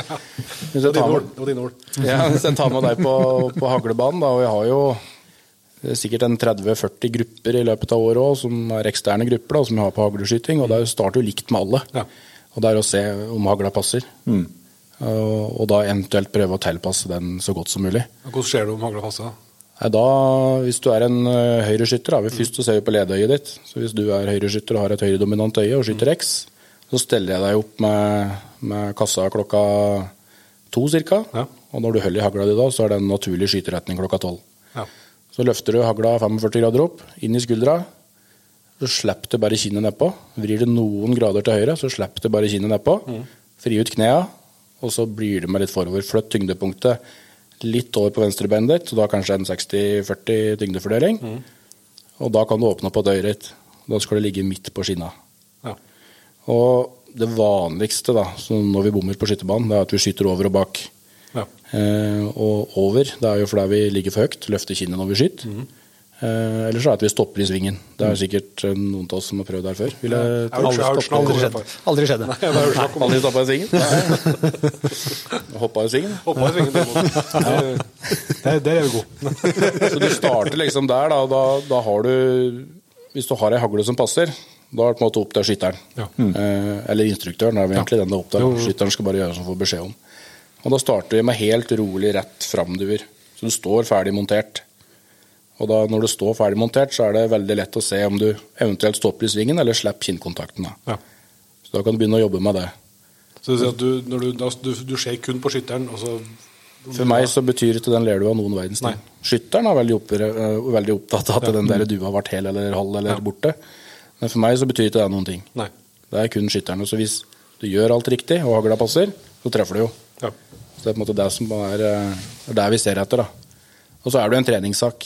Det er jo, du ser jo på Står jo bak, og så ser du om du skyter over, under, høyre eller venstre. Eh, Der klarer du å se hvis du har sett en del skudd. Men det er jo ganske mange som sitter eh, 15-20 meter bak på ei og sier nei, du skyter over, eller du skyter til høyre. Du ser ikke det hvis det ikke plaskregner noe enormt, eller at du står rett bak. Så det er eh, hele tida være på skytteren. da. Ja. Så du egentlig er med og skyter alle skudda. Så på en sånn instruktørkurs i løpet av ei helg, så noen som jobber to og to, de har jo sett hver, sine, hverandre sine skudd. Mens jeg har jo sett alle skuddene til alle sammen hele tida. ja. Og da får du mye trening, da. Når du går og ser på hvert enkelt skudd hele tida. Og så er det jo skyting er jo ferskvare, da. Så Selv om du begynner å få til ting, du er ferdig montert, kanskje du begynner å montere litt. Tørrtrening er jo fryktelig, fryktelig fryktelig kjedelig, men det er veldig billig og enormt god trening. Så bare stå foran speilet og montere så du plasserer eh, hagla likt hver gang. Øyet ditt ligger riktig på skinna, og kornet peker rett inn i øyet ditt. Da, hvis du gjør det sakte, sakte, da skaper vi muskelminne. Og Da kommer det at når vi skal i en jaktsituasjon eller skal på skytebanen. så er det slike ting som eh, bygger deg opp. da. Ja. Og så er det aldri feil å gå litt tilbake. Ja, så begynner å gjøre det enklere igjen hvis du Ja, altså bare gå litt, teste litt av monteringa. Stå litt ferdig montert, prøve noen skudd ferdig montert. Vi forandrer oss litt hele tida, ikke sant. Noen går opp i vekt, noen går ned i vekt. Ja, ja men altså, det er jo Men det er jo, det er jo litt sånn det er, da. At ja. ikke bare ja, For 20 år siden så var jeg en god hagleskytter, så jeg er der fortsatt. Det må hele tida holdes, eh, holdes ferskt, og det må jo på skytebanen. Og samme er det på riflebanen òg. At Du må på en måte hele tida trene for å bli bedre, og vedlikeholde, da, ikke minst. Ja. Men den tøytreningsbiten, den er, den er viktig. Men jeg skjønner jo da at eh, det tilbringes mye tid på den skytebanen som er i nærheten her, da. Ja. Hva, kan jo kort få presentere hva, hva den består av, for den er jo litt uh... Ja, Gullsvikskogen skytebane. Ja. Uh, uten den skytebanen så hadde nok ikke jakt- og fiskesenteret ligget her. Eh, den går igjen i nesten alle kurs vi har. Spåringskurs eh, så er det lite. Og det er ikke så mye på fiskekurs heller. eh, men på det meste som har med rovvilt å gjøre, og skyting og jaktleder og slike ting, så er det jo skytebanen blir mye brukt. Eh, og på, vi er jo heldige som har et så bra skyteanlegg. Eh, bare ti minutts kjøring unna senteret. Og det er jo dugnadsbasert arbeid. Eh, De har videreutvikla det mye de siste åra pga. oss, og vi har jo vært med og bidratt økonomisk Ja. Eh, for å få ting opp og gå. Eh, Men der er det en dugnadsgjeng. En god, gammeldag, gammeldags dugnadsgjeng som virkelig henger selene for at ting skal bli så bra som overhodet mulig. Da. Og på skytterbanen der så har vi tre jegertrappbaner. Vi har ei skitbane, vi har ei pressbane, og så har vi ni sportingkastere. Ja. Så er det i et sånt terreng som du kan egentlig bare fantasien som setter grenser for hva du klarer å stelle i stand. Så det er enormt med muligheter. Eh, og på rifleanlegget så har vi 100 meter elektroniske skiver. Vi har 200 meter elektroniske skiver. Vi har eh, løpende elg, eh, 100 meter. Og så har vi løpende bjørn, 40 meter. Eh, Villsvinbane, løpende villsvin har vi. Vi har motgående bjørn. Og så har vi en del sånne vennefigurer som vi setter rundt i terrenget for å skape litt uh, uro og litt usikkerhet på både skadefellingskurs og jaktlederkurs. Da. Så har vi blant annet gråenskive som hørte ganske hølete. Eh, For det er noen eh, Jämtun-folk som spør om noen kan skyte i den Men der. da er det noen Jemtun-folk, ja. Det regner jeg med. Nei, ja, det, er, det er litt sånn litt actionfylt skyting og litt stressa situasjoner med vilje, selv om det er kontrollert. Men, men eh, få folk inn i uforberedte situasjoner der ting skjer plutselig. Ut av komfortsona. For de aller fleste så er det ikke noe stor trening å lie og skyte på 100 meter lenger. Det har de gjort i 30 år, mm. mange. Og de, de, de, de, prøv, de pusha ikke seg sjøl lenger. De prøver ikke mer. De bare drar dem skuddet. Og da har det ingen treningseffekt. Så da er det moro når du får beskjed om at her er det los, kom deg innpå. Det er ettersøk, du må få liv av den elgen eller den bjørnen som er framme der.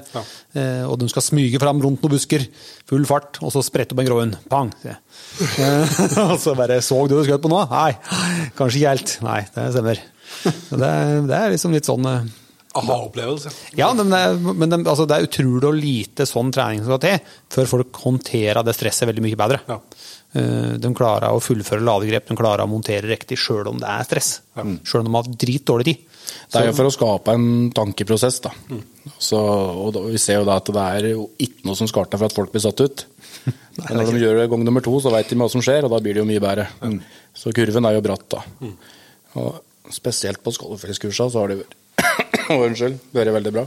Ja, ja det er, det er altså, Vi har jo hva skal vi si, ja, fem-seks timer Den første den treningsdagen på skademeldingskurset så har vi fem-seks timer med skyting. Måte, med ren skyting når du er på skytebanen og trener. Bevisst på teknikk og på ulike typer situasjoner. Og, og så kommer folk altså etter seks timer, altså én dag, eh, en kort dag til meg på skytebanen, så kommer folk og sier etterpå at du, jeg er blitt så mye bedre til å skyte. altså, de, de er blitt mye bedre til å skyte 100-meteren og storutprøver. Liksom. Selv om de ikke har skyte noe sånt i hele tatt, så, så, så er det på en måte, de, de føler seg mer komfortable med våpenet sitt. De er så mye sikre på alt de gjør. De klusser ikke med lavgrep, de finner stillinga fort. og det er liksom, de er blitt mye bedre skyttere på seks timer. Ja. Og Det sier litt om, altså det er jo minimalt med trening, egentlig, i store sammenheng. Men, men så lite skal til da, eh, før du faktisk kjenner effekten. Og så må liksom ting fordøye seg litt. og vi ser jo det, På det skadefinnskurset, så har du seks timer med skyting hele fredagen. Og det er ingen som er liksom Kanskje ja, 10 hadde klart eksamen. Som er på søndag, skyteprøve. skyteeksamen. Og så kommer det søndagen, så er det kanskje 5% som ikke klarer det. Ja, det, Så det er eh, de aller fleste klarer det. Du må jo- fordøye det litt, så man vet om hva som kommer, og så vet de hva som skjer. Og så har vi laga den treningsdagen litt vanskeligere enn sjølve eksamen. Ja. Og da løser ting seg ofte veldig greit sjøl, da. Ja, det er, men det er jo en skyteprøve som krever veldig mye. Altså, den skyteprøva er jo bare en prøve for kursets del. Det er ikke noe storviltprøve eller noen ting. Det er bare en skyteprøve for kursets del. Men det er en skyteprøve som er krevende. Ja. Det er fem hold som virkelig krever sin mann, og du må virkelig stå på. Det er, måtte er det 18 skudd er det, som er hvis du skyter alt på første forsøk. Ja. Ja, tror jeg. Så det er, liksom, det er jo mange skudd og mange situasjoner som er vanskelig. Det er ikke noe tvil om at det er vanskelig. Det skal Nei, ja, være det vanskelig. er Bevegelig mål, det er tidspress. Det er eh, Små, små blinker på, selv om det er korte og holder raske skudd, så er det sånn. Men, men det er som Anders sier, de aller fleste klarer det, altså. Når de kommer der på, etter bare å ha hatt en dag eller to pause. Det hjelper utrolig ja. når ting får synke inn. da.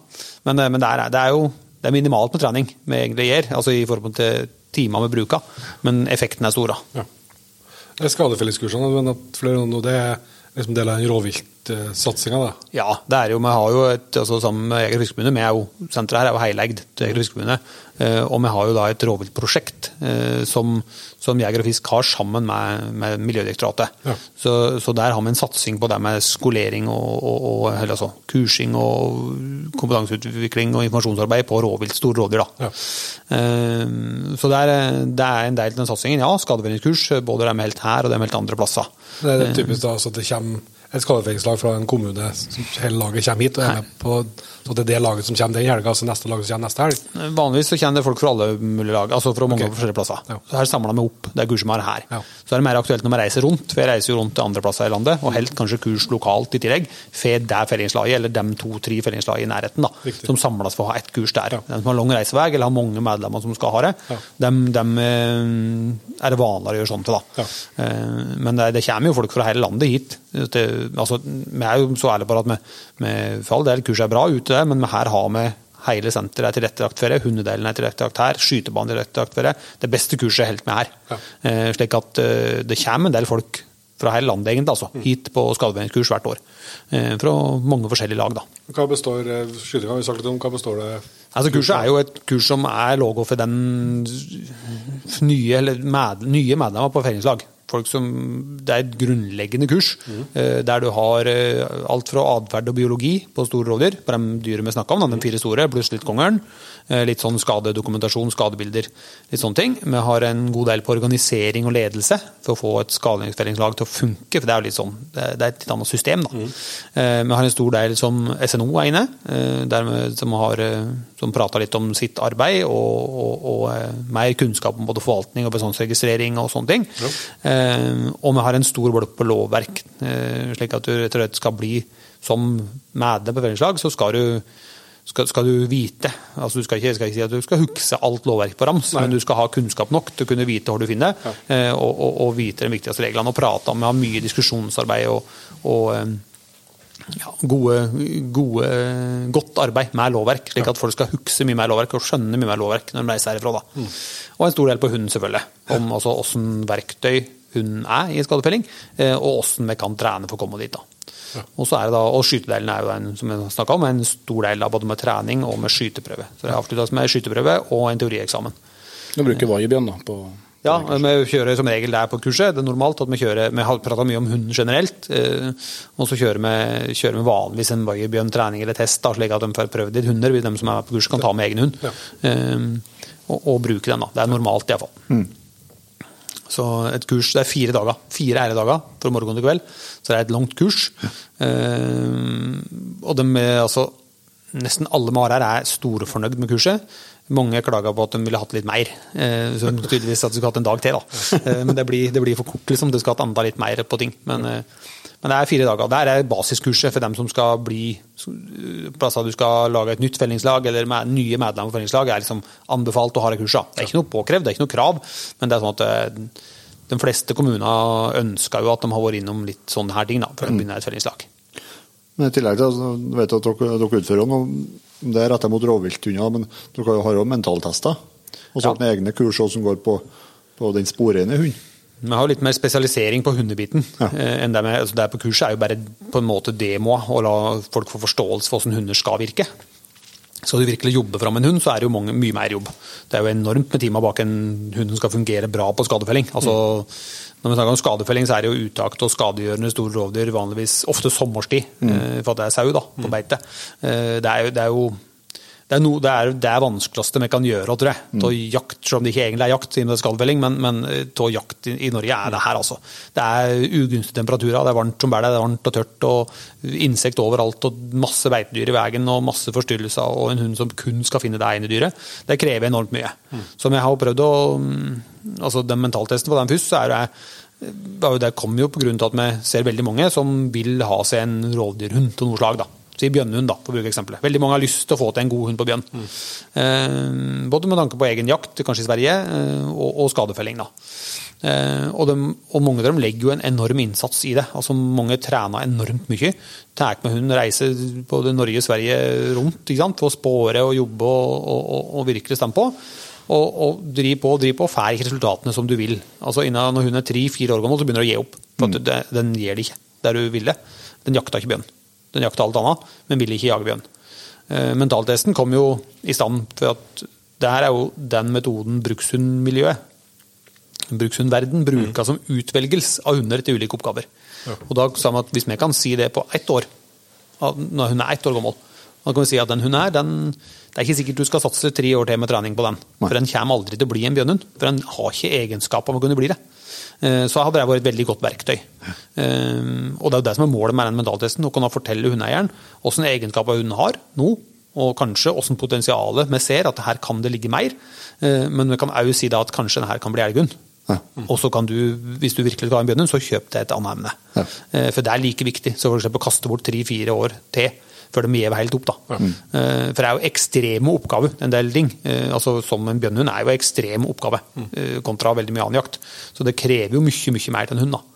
Det er veldig moro. En en mentaltest er jo noe som som du sa, det er jo, reklamerer ofte for å si at det er ny kunnskap ved jakthundeieren, men det er jo ikke ny kunnskap. Mentaltest er jo mentalkunnskap, er jo noe som brukshundmiljøet har og bruka i enormt mange mange tiår, og kan veldig godt. Men vi må jo finne de tingene som slår ut, altså de tingene som en en hund skal ha for å løse en bestemt oppgave. Mm.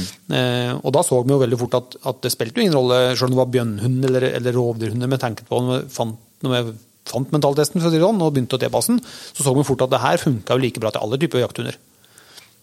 Bare vi veit hvilke egenskaper vi trenger for å løse den forskjellige oppgaven, så, så kan vi jo si like mye om det her blir en bra stående fuglehund eller en bra spårhund. Eh, bra ettersøkshund. Eh, eller en bra hihund, som en bjørnhund. Eh, så det er veldig spennende. Så du ser mye mer til hunden enn du får sett i noen som helst daglige situasjoner. Hvordan sånn i praksis, hvordan foregår en sånn Det er jo en, en rundløype, en testbane i skogen, med forskjellige situasjoner som hunden blir satt i. Eh, som er, egentlig ikke har noen ting med jakt å gjøre. Det er situasjoner som skal trigge jaktlyst der. Eh, altså i forhold til ting som rømmer unna. som du skal se lysten til å forfølge et synlig bytte, og interessen for bytte, er på en måte beskrivelsen. Eh, så, så det er det ene som jeg kan se på det. Mens andre situasjoner er overraskende situasjoner. Noen er litt truende, litt skumle situasjoner. Andre situasjoner er bare mer fremmede mennesker. Bare se hvordan de reagerer i forhold til, folk som vi møter. Eh, ja, ulike settinger du blir satt i. For å se på, på, på eh, hundens Få et godt bilde av mentaliteten. Altså det mentale bildet inni huet på en hund Her er vi ute etter å få fram. Eh, og vi har jo en test som, som er utvikla fra svenske Jegerforbundet, egentlig. Barbro Brøyson i Sverige. Begynte med det sammen med Jegerforbundet der. Eh, altså det er jo samme som jeg sa, Brukshundmiljøet har jo bruka mentaltesten i mange år, men, men, men de tilpasser den eller tilpasser den egentlig ikke. altså Testbanen er veldig lik. Test, test selve momenten igjen på samme måten, men vi tenker litt mer, litt annerledes i forhold til bedømmingen. slik at vi ser litt mer Jeg har ingen bestått ikke bestått karakter på testen, vi har ingen poengsum. Nei. Eneste målet vi har, er at du som hundeeier blir bedre kjent med din hund, for å kunne legge opp treningen best mulig videre. Og hvis det er bestemt oppgave du vil ha den til å gjøre, da, så kan vi gi en vurdering til om en har egenskaper for å kunne bli. Ja. Eh, mens det ikke er garantert at det blir, men- Bjørnøy som eksempel, hva, hva ønsker du så hvis det Altså, målet med det, hva, dem- hva ønsker du å se i denne løypa?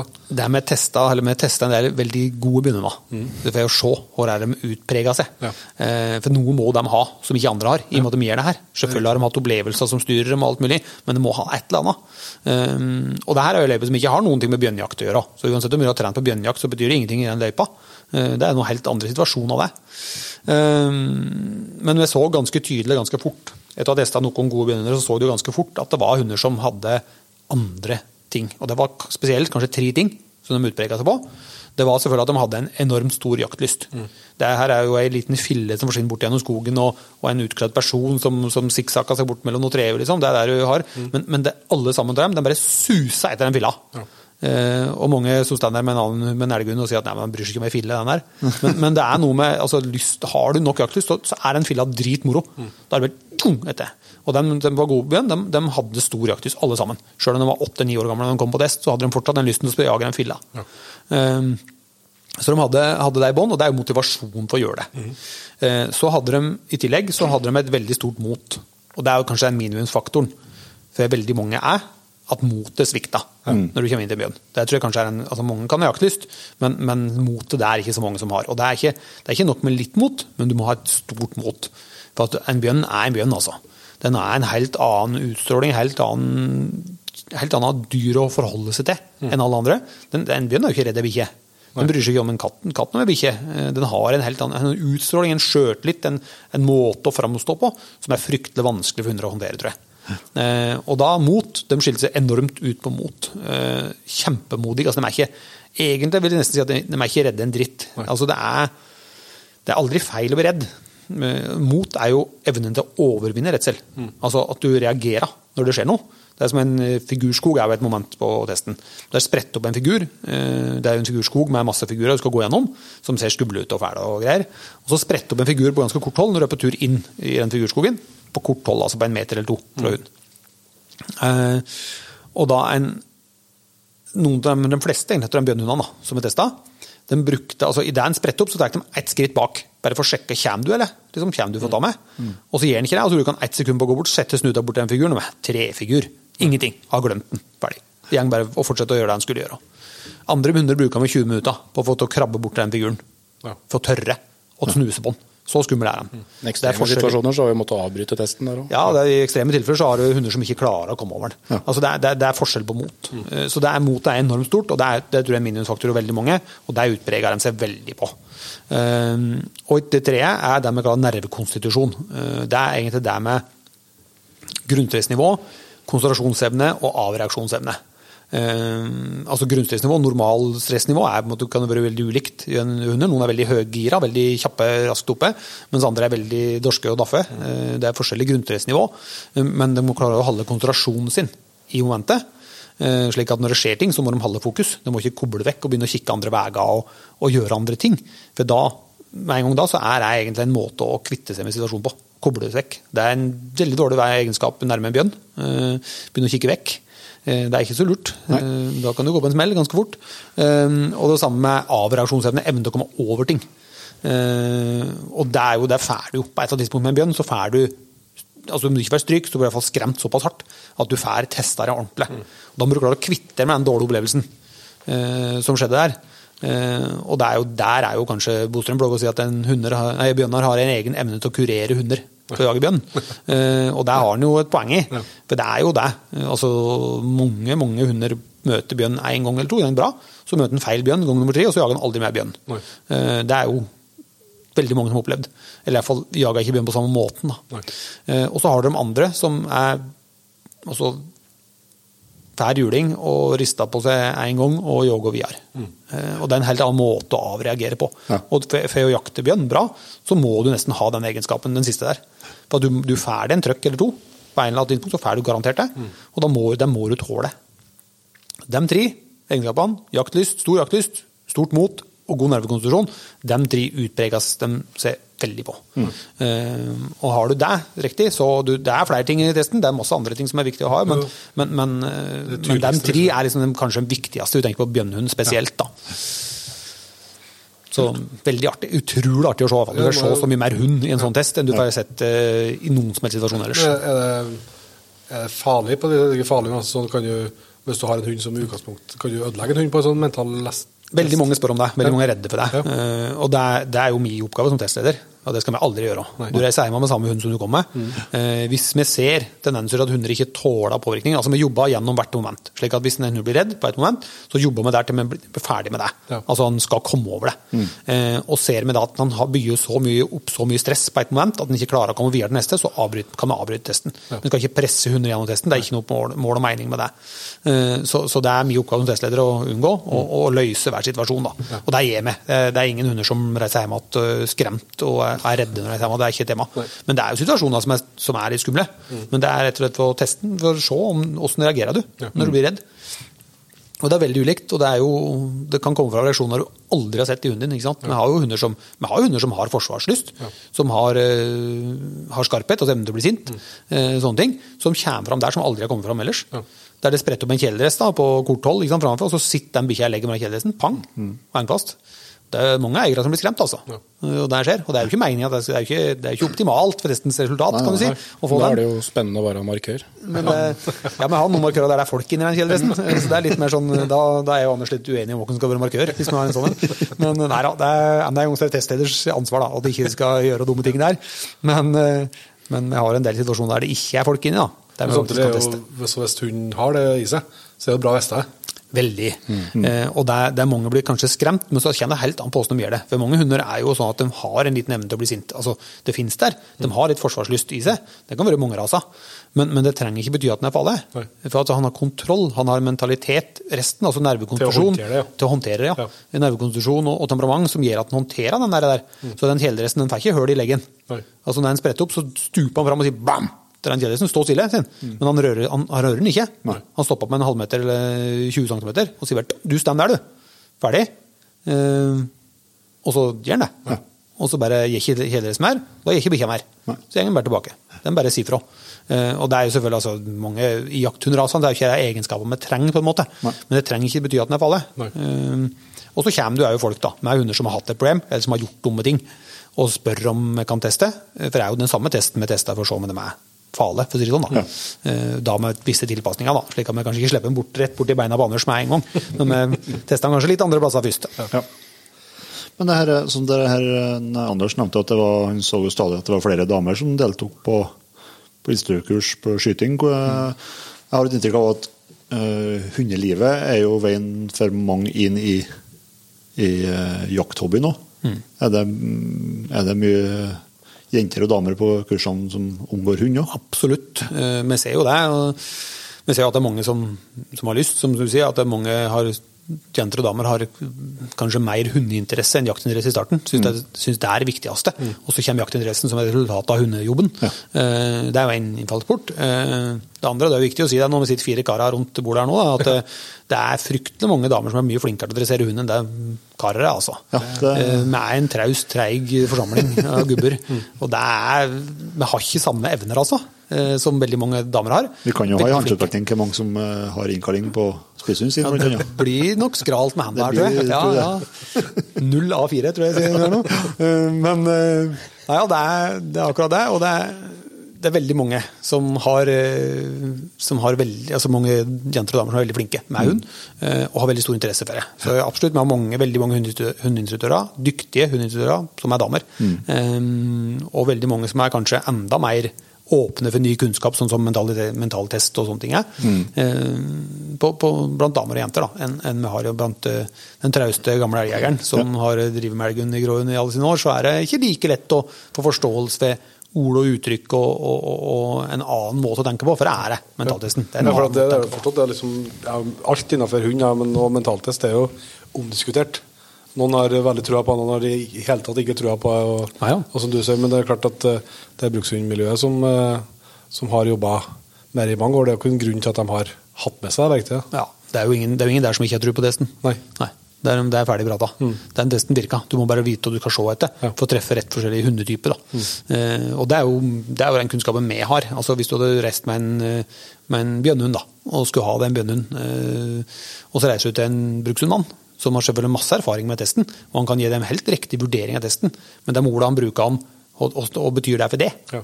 eh, for den videre treningen, det har ikke han kunnskapen til. Nei. For han har ikke noen bakgrunn fra jakthundmiljø eller kunnskap om jakthunder generelt. eller de få i hvert fall har det. da. Og der er jo vi.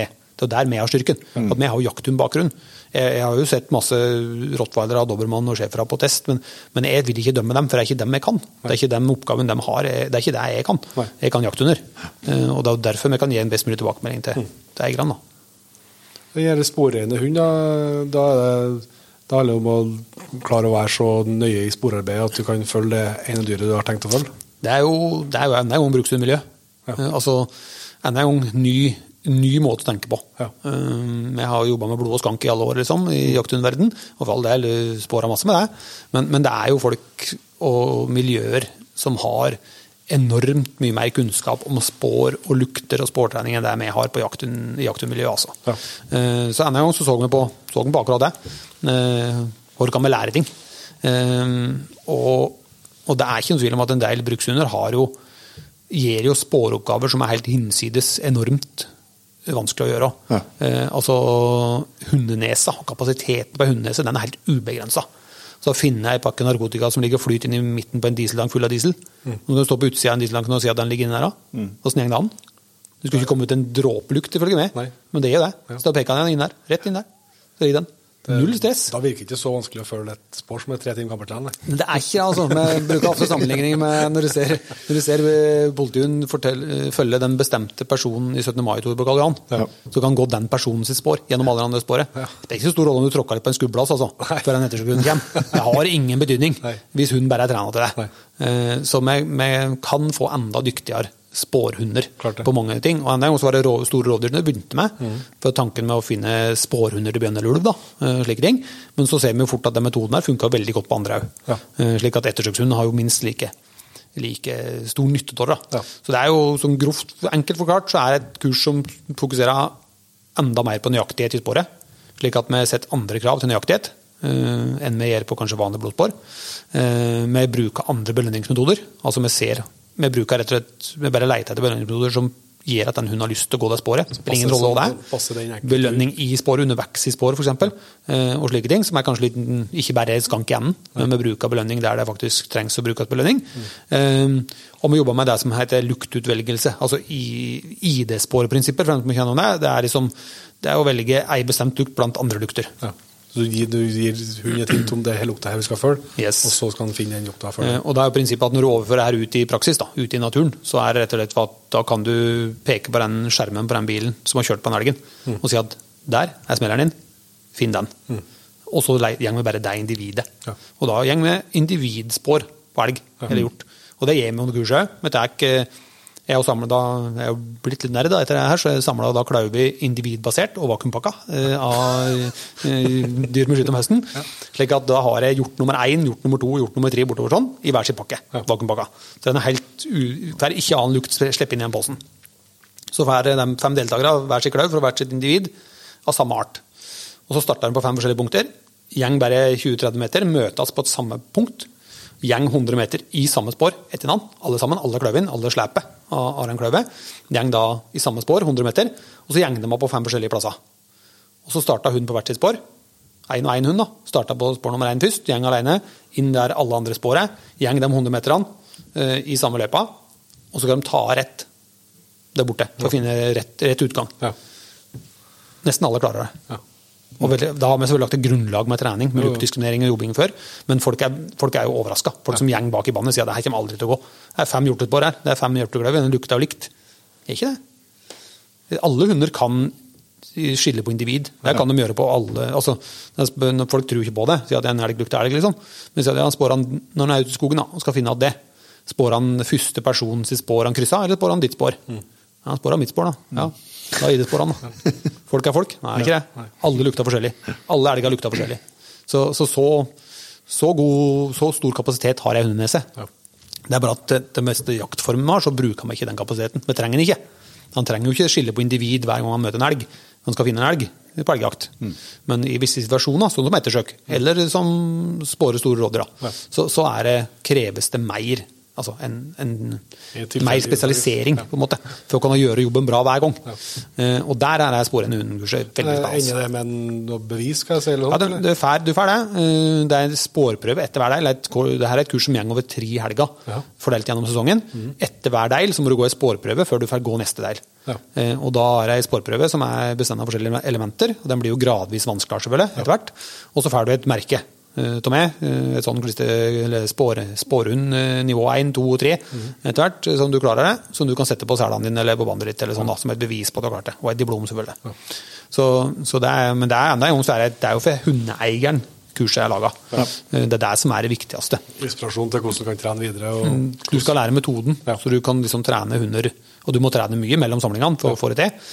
Eh, og så kan du bruke, lære metoden slik at du kan jobbe det via. Da, da bruker vi jo teknikker som smellertrening, for at man setter deg med buksa og utvelgelse og, og alt det her som du ser på ulike hundekurs. Eh, men vi bruker det som et verktøy da, for å få hunden sånn, sånn som vi vil ha den. Det er jo ganske tøft når du ser resultatet da, etter å ha gått ei kurshelg. Og så ser du på neste samling, som er fire måneder etterpå. Ja. Og så skal de eh, ta en eksamen. Det er ganske rått å se på noen som har trent. Altså. Ja. han klarer å få til Ja, det er på fantastisk. den å perioden der. Og denne, du kan jo ta litt om den eksamen, da, siste sporet. Ja, Siste sporet er det som krever mest. Da Da har vi jo lagt en kilometerspor. Det er et slepespor av, det, av, ei viss klauv, da, eller, eller skinnbit, eller åssen art det er. Um, eh, Så er det en kilometer langt. Um, Så har det, skal det ha minst eh, to veikryssinger. Eh, Både asfalt- og grusvei skal krysses, og da gjeng begge plasser skal det gå langs med veien et stykke, altså 30-50 meter, eller noe sånt, men det skal i hvert fall gjøre sånn at du må, du må spåre i asfaltveien. da. Um, og så er det i tillegg skal det gjennom et, en innhegning der det akkurat har gått eller gjeng husdyr. Slik at du blir, skal gå gjennom et sauebeite eller eh, mellom hestene eller inn i grisehengene og Anders. Eh, sånn. Så, så får de det som utfordring. Og så er det masse kryssende spor til andre ting som er lagt for å forstyrre. Eh, så, så det er liksom sporene kan løses. Eh, du får et merkebånd. Eh, Der starta sporet ditt. Innafor, Innenfor, innenfor en radius på 50 meter, altså et 100 meter stor sirkel. Innenfor her starta sporet ditt. Eh, Du kan få smeller, da, av en påvirkning som skal vinne tilsvarende på en boks, slik at du viser at den her skal du finne, vær så god, søk. Hekk deg på et GPS-halsbånd på børsen, og så reiser gjeng etter bilen. Vær så god, løs sporet. Eh, Så har du bare sjøl ei hjulpet. Ikke se bak på dommeren her. Er hjelp. Eh, Det er, vær så god. Eh, Og da dømmer jeg på GPS. Og det er, men det er som Anders sier, det er veldig lett å se. De Dem som har trent og jobba med det, da, da ligger den Da har jeg jo lagra den eh, sporeloggen min da, for kvelden før, eh, som jeg har lagt sporet. Så ligger den på GPS-en, og de er ikke utafor den streken. altså. De ligger på den streken hele veien. Og det er den nøyaktigheten vi ønsker. altså vi, vi, ønsker vi skal ikke ha noen hund som går fem meter eller ti meter på sida av sporet. Det er ikke, det er ikke, den treningen vi gjør her, er for å legge et grunnlag på å ha en hund som går på sporet hele tida. Jeg bryr meg ingenting om hundegangmusen er opp eller ned, det har ikke noe betydning, men, men de skal være på sporet. Mm. Det er ingen grunn til å gå ti meter på sida av et spor. Jeg vet veldig mange som sier det, at ja, ja, men hun har kontroll på sporet, hun tar vinden, legger seg vinden på sida. For det er så god lukt fra sporet ned. Ja, det kan godt hende det, men det lukter alltid mer på det sporet. Det er ingen som kan si at det ikke lukter mer der oppe. Det er ingen poeng i å ligge mange meter på sida. Nå, men det er jo SVDI, som mange kjenner til, er jo en stor aktør på sånn spårhundtrening i Sverige. Eh, og, og det er jo der jeg er inspirert fra, kan du si. mye av det. Og de, jo, de snakka om 30 cm nøyaktighet når de er asfaltspor. Altså slepespor etter noe på asfalt. Så når hun er 30 cm fra sporet, da er han utafor sporet. Da skal du stoppe. Da skal han innapå sporet før vi går videre. Så nøye er det med innlæringen. Uh, Om vi ikke ser 30 cm, så er det i hvert fall det skal være, skal være veldig lite. Så fort hun er ute av sporet, skal du stoppe, og så skal han komme seg inna før du kan gå framover. Og med det grunnlaget i innlæringen, så, så får du en sjukt mye mer nøyaktig sporhund igjen. Uh, Så det, det er grunnlaget du legger der i begynnelsen, da, som er eh, noe av det viktigste. Og samme med alle typer underlag. da. Spiller ingen rolle om det er asfalt, eller om det er eh, grasbakke, eller om det er lyng eller svaberg. Spiller ingen rolle. Spår er der, det. Alle spår lukta. Det lukta mindre. Det sitter mye mindre lukt på hardunderlag. og kanskje berg eller asfalt. Det sitter jo veldig lite lukt på forhold til ute i skogen. Luktkorridoren din er smal og liten og lukta mye mindre. Men det er jo det som er at når du bare lærer det, betyr ikke at det ikke er lukt der. Det er alltid lukt der. Du må bare lære å følge den lukta som har så lite lukt. da. Og når du først har lært det, Motivasjon for å gjøre det. Liksom. Yes, motivasjon for å gjøre det. Eh, Og hvis du har lært det, så er alt annet lett. Når det er en bra asfaltspor, så er plutselig å gå ut i skogen er kjempelett. Så, så da, da er det plutselig ikke noe problem, da. Når du kommer inn på et eh, Når dyret har gått inn på asfaltveien og begynt å gå den, så er det bare ja, den fortsetter der, den. Og så går den sporet videre. Veldig mange hunder får jo tap. Idet bikkja kommer inn på veien, så er det tap. Det er å miste liksom sporet av dyret. Så må du finne ut sporet en plass, da. Men det, er- hvis den har gått veien langt, eller, eller sånne ting, så er det ikke så lett, da. Eller for en gang ettersøk i bebygde strøk, da, så er det mange som har oppfatta at asfaltsporing er noe man må trene på. Skadde rådyr i byfelt, liksom, og gjeng parkeringsplasser og kilometervis på vei, så det er ikke noen tvil om at asfaltsporing er en del av det. Så det er et spesialistkurs, ja. Du må være interessert og motivert, det må du. Men fantastisk moro, altså. Nå har vi jo snakka om instruktørkurs og litt om rovvilt, men det, dere har også det som kanskje, det kanskje ikke alle kaller det, men dere kaller det i hvert fall eh, utøverkurs, da, altså, som ikke er retta, men retta liksom mer mot kalle hvem som helst. da. Eh, der har du òg skjøtekurs på hagl og riffel. Ja, jeg har grunnkurs, eh, to grunnkurs egentlig, da, som er skytekurs rifle og skytekurs hagle. Kjører der samme helga, og så har du mulighet til å melde deg på begge deler, da, som vi kaller bare et kombikurs. Eh, og det er eh, helt grunnleggende.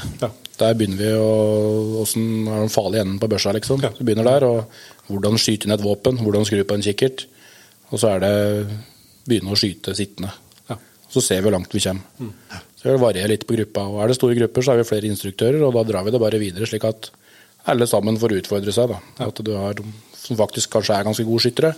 Allikevel har de meldt seg på at de kanskje er på 200-meteren og skyter litt sittende skyting der, og eh, motgående bjørn eller eh, andre bevegelige mål. Da. Ja. Så prøver å dekke alle. Ja. Men det er jo eh, de forespørsler vi får fra diverse jaktlag rundt omkring. Det har jo blitt ganske populært det, at de har en, eh, en dag eller to her. Så de er på skytebanen eh, for å f.eks. ta bjørnpassa eller ha en artig dag med kompisgjengen før jaktstart med skyting på bevegelige mål. Så det er, det er blitt mye av. Ja. Eh, kanskje ikke like mye på, på hagle med jaktlag der. Det er jo litt mer uvanlig å ha jaktlag på, på fuglejakt, men det er jo en to-tre stykker som kanskje jakter sammen, og de er på den mer private instruksjonsbiten. Ja. Altså det tilbyr dere liksom at på Ja, det er sånn tre timers, eh, tre timers bolker. Det kan utvide selvfølgelig Ja. Ta å være lenger, men jeg har nok en 30-40 sånne ettermiddager ja. i løpet av våren og sommeren før jaktstart, der de går et sånt litt lengre løp. da. Noen kommer flere ganger òg, noen er det bare én tur. Men det er, det er noen har store problemer, og noen har små problemer. Så vi har jo hatt det meste. På haglejakt så er det jo mye artigere hvis jaktkompisen bommer. Ja, ja. Det er ikke så artig på riflejakt. Nei, det det er helt riktig. Vi prata litt om damer og i stad. Jeg syns kanskje det er nesten flere damer som kommer på den helt grunnleggende hagleinstruksjon. Ja. At de har mer sjølinnsikt. Ja. Skjønner at de kanskje trenger hjelp for å komme godt i gang. Og Og mer åpen for å ta imot læring. Ja, absolutt. Og det er, jeg tror det er viktig å komme i gang med å lære det ordentlig fra børjan. da. Og Det er jo sånn som vi gjør på det jegerprøvekurset som vi har her òg, at da er det med sertifiserte instruktører. Så du får liksom en god inngangsvinkel inn i skyteverden, da, både på hagle eller rifle. Det er ikke slik at du må stå og banke og skyte ute i lufta og er ikke så nøye om du treffer litt, og få litt juling i skuldra, men prøve å gjøre ting ordentlig fra dag én. Så, og Der tror jeg nok damene er litt flinkere på enn oss karer. da. At vi skal prøve litt sjøl. Vet best sjøl. Ja, ungdom og damer er ofte lette å ha med å gjøre på skytebanen kontra litt voksne mannfolk. Jeg har jo hatt med Eivind på banen nå, på haglebanen. Helt toppløst.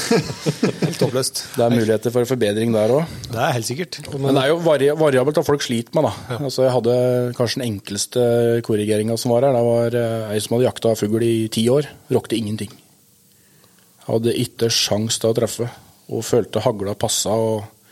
Men hun hadde hatt feil øye. Hun hadde sikta når hun skjøt med hagla, og så lokka høyre øye og skjøt rex. Ja. Så bare ja, kan du ha opp øyet ditt, da? Skyte med begge øyne oppe, da. Traff alt ferdig. Det var ti minutter, og så var det egentlig ferdig, ferdig gjort. Så det, er- det er jo noe Innimellom så er det ganske enkelt. da. Ja. Jaktlederkurs, da? Hvem er det som driver med det? Det er jeg som driver med det mest. Eh, altså, jeg jobber ihop med Jeg har med helt litt av det, begge to, da, Ja. men jeg er helt mest av det. Um, så det er jo veldig populært. Og det er enda et sånn, det er et sånn hva skal jeg si, uh, jegerutviklingskurs. Altså alle jegere som jobber, er på et jaktlag, har nytte og har glede til å ta det kurset, faktisk. Så det heter et jaktlederkurs. Det er ikke bare jaktlederen som, har, som har det, syns det er moro. Så det er jo en veldig, veldig artig kurs å holde. Du får masse forskjellige folk fra forskjellige bakgrunner. Mm.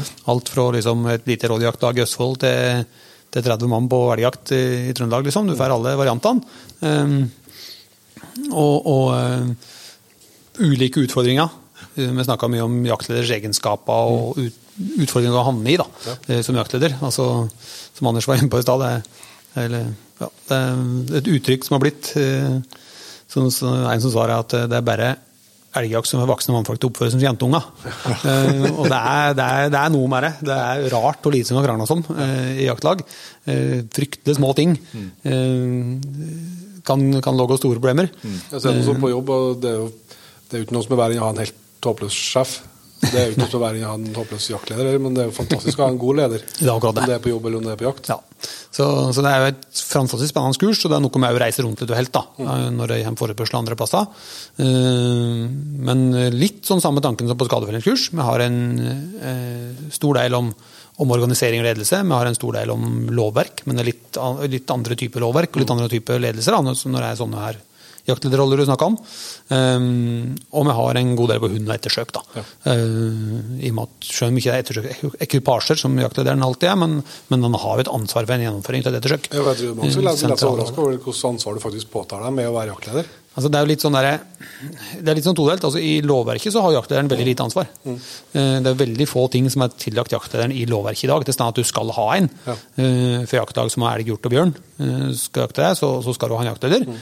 Eh, Og så er det jo nevnt litt i forhold til rapportering, f.eks. hvis vi besetter elg eller slike ting. Men det er jo nesten ikke mer i lovverket i dag. Nei. Men så er det jo veldig mange oppgaver som blir tillagt det av enten den du leier jakt av, da, Mm. grunneieren, Statskog, Fjellstyret eller, eller andre, eh, eller som, tillagt, eh, som du lagt til det fra jaktlagets side. Ja.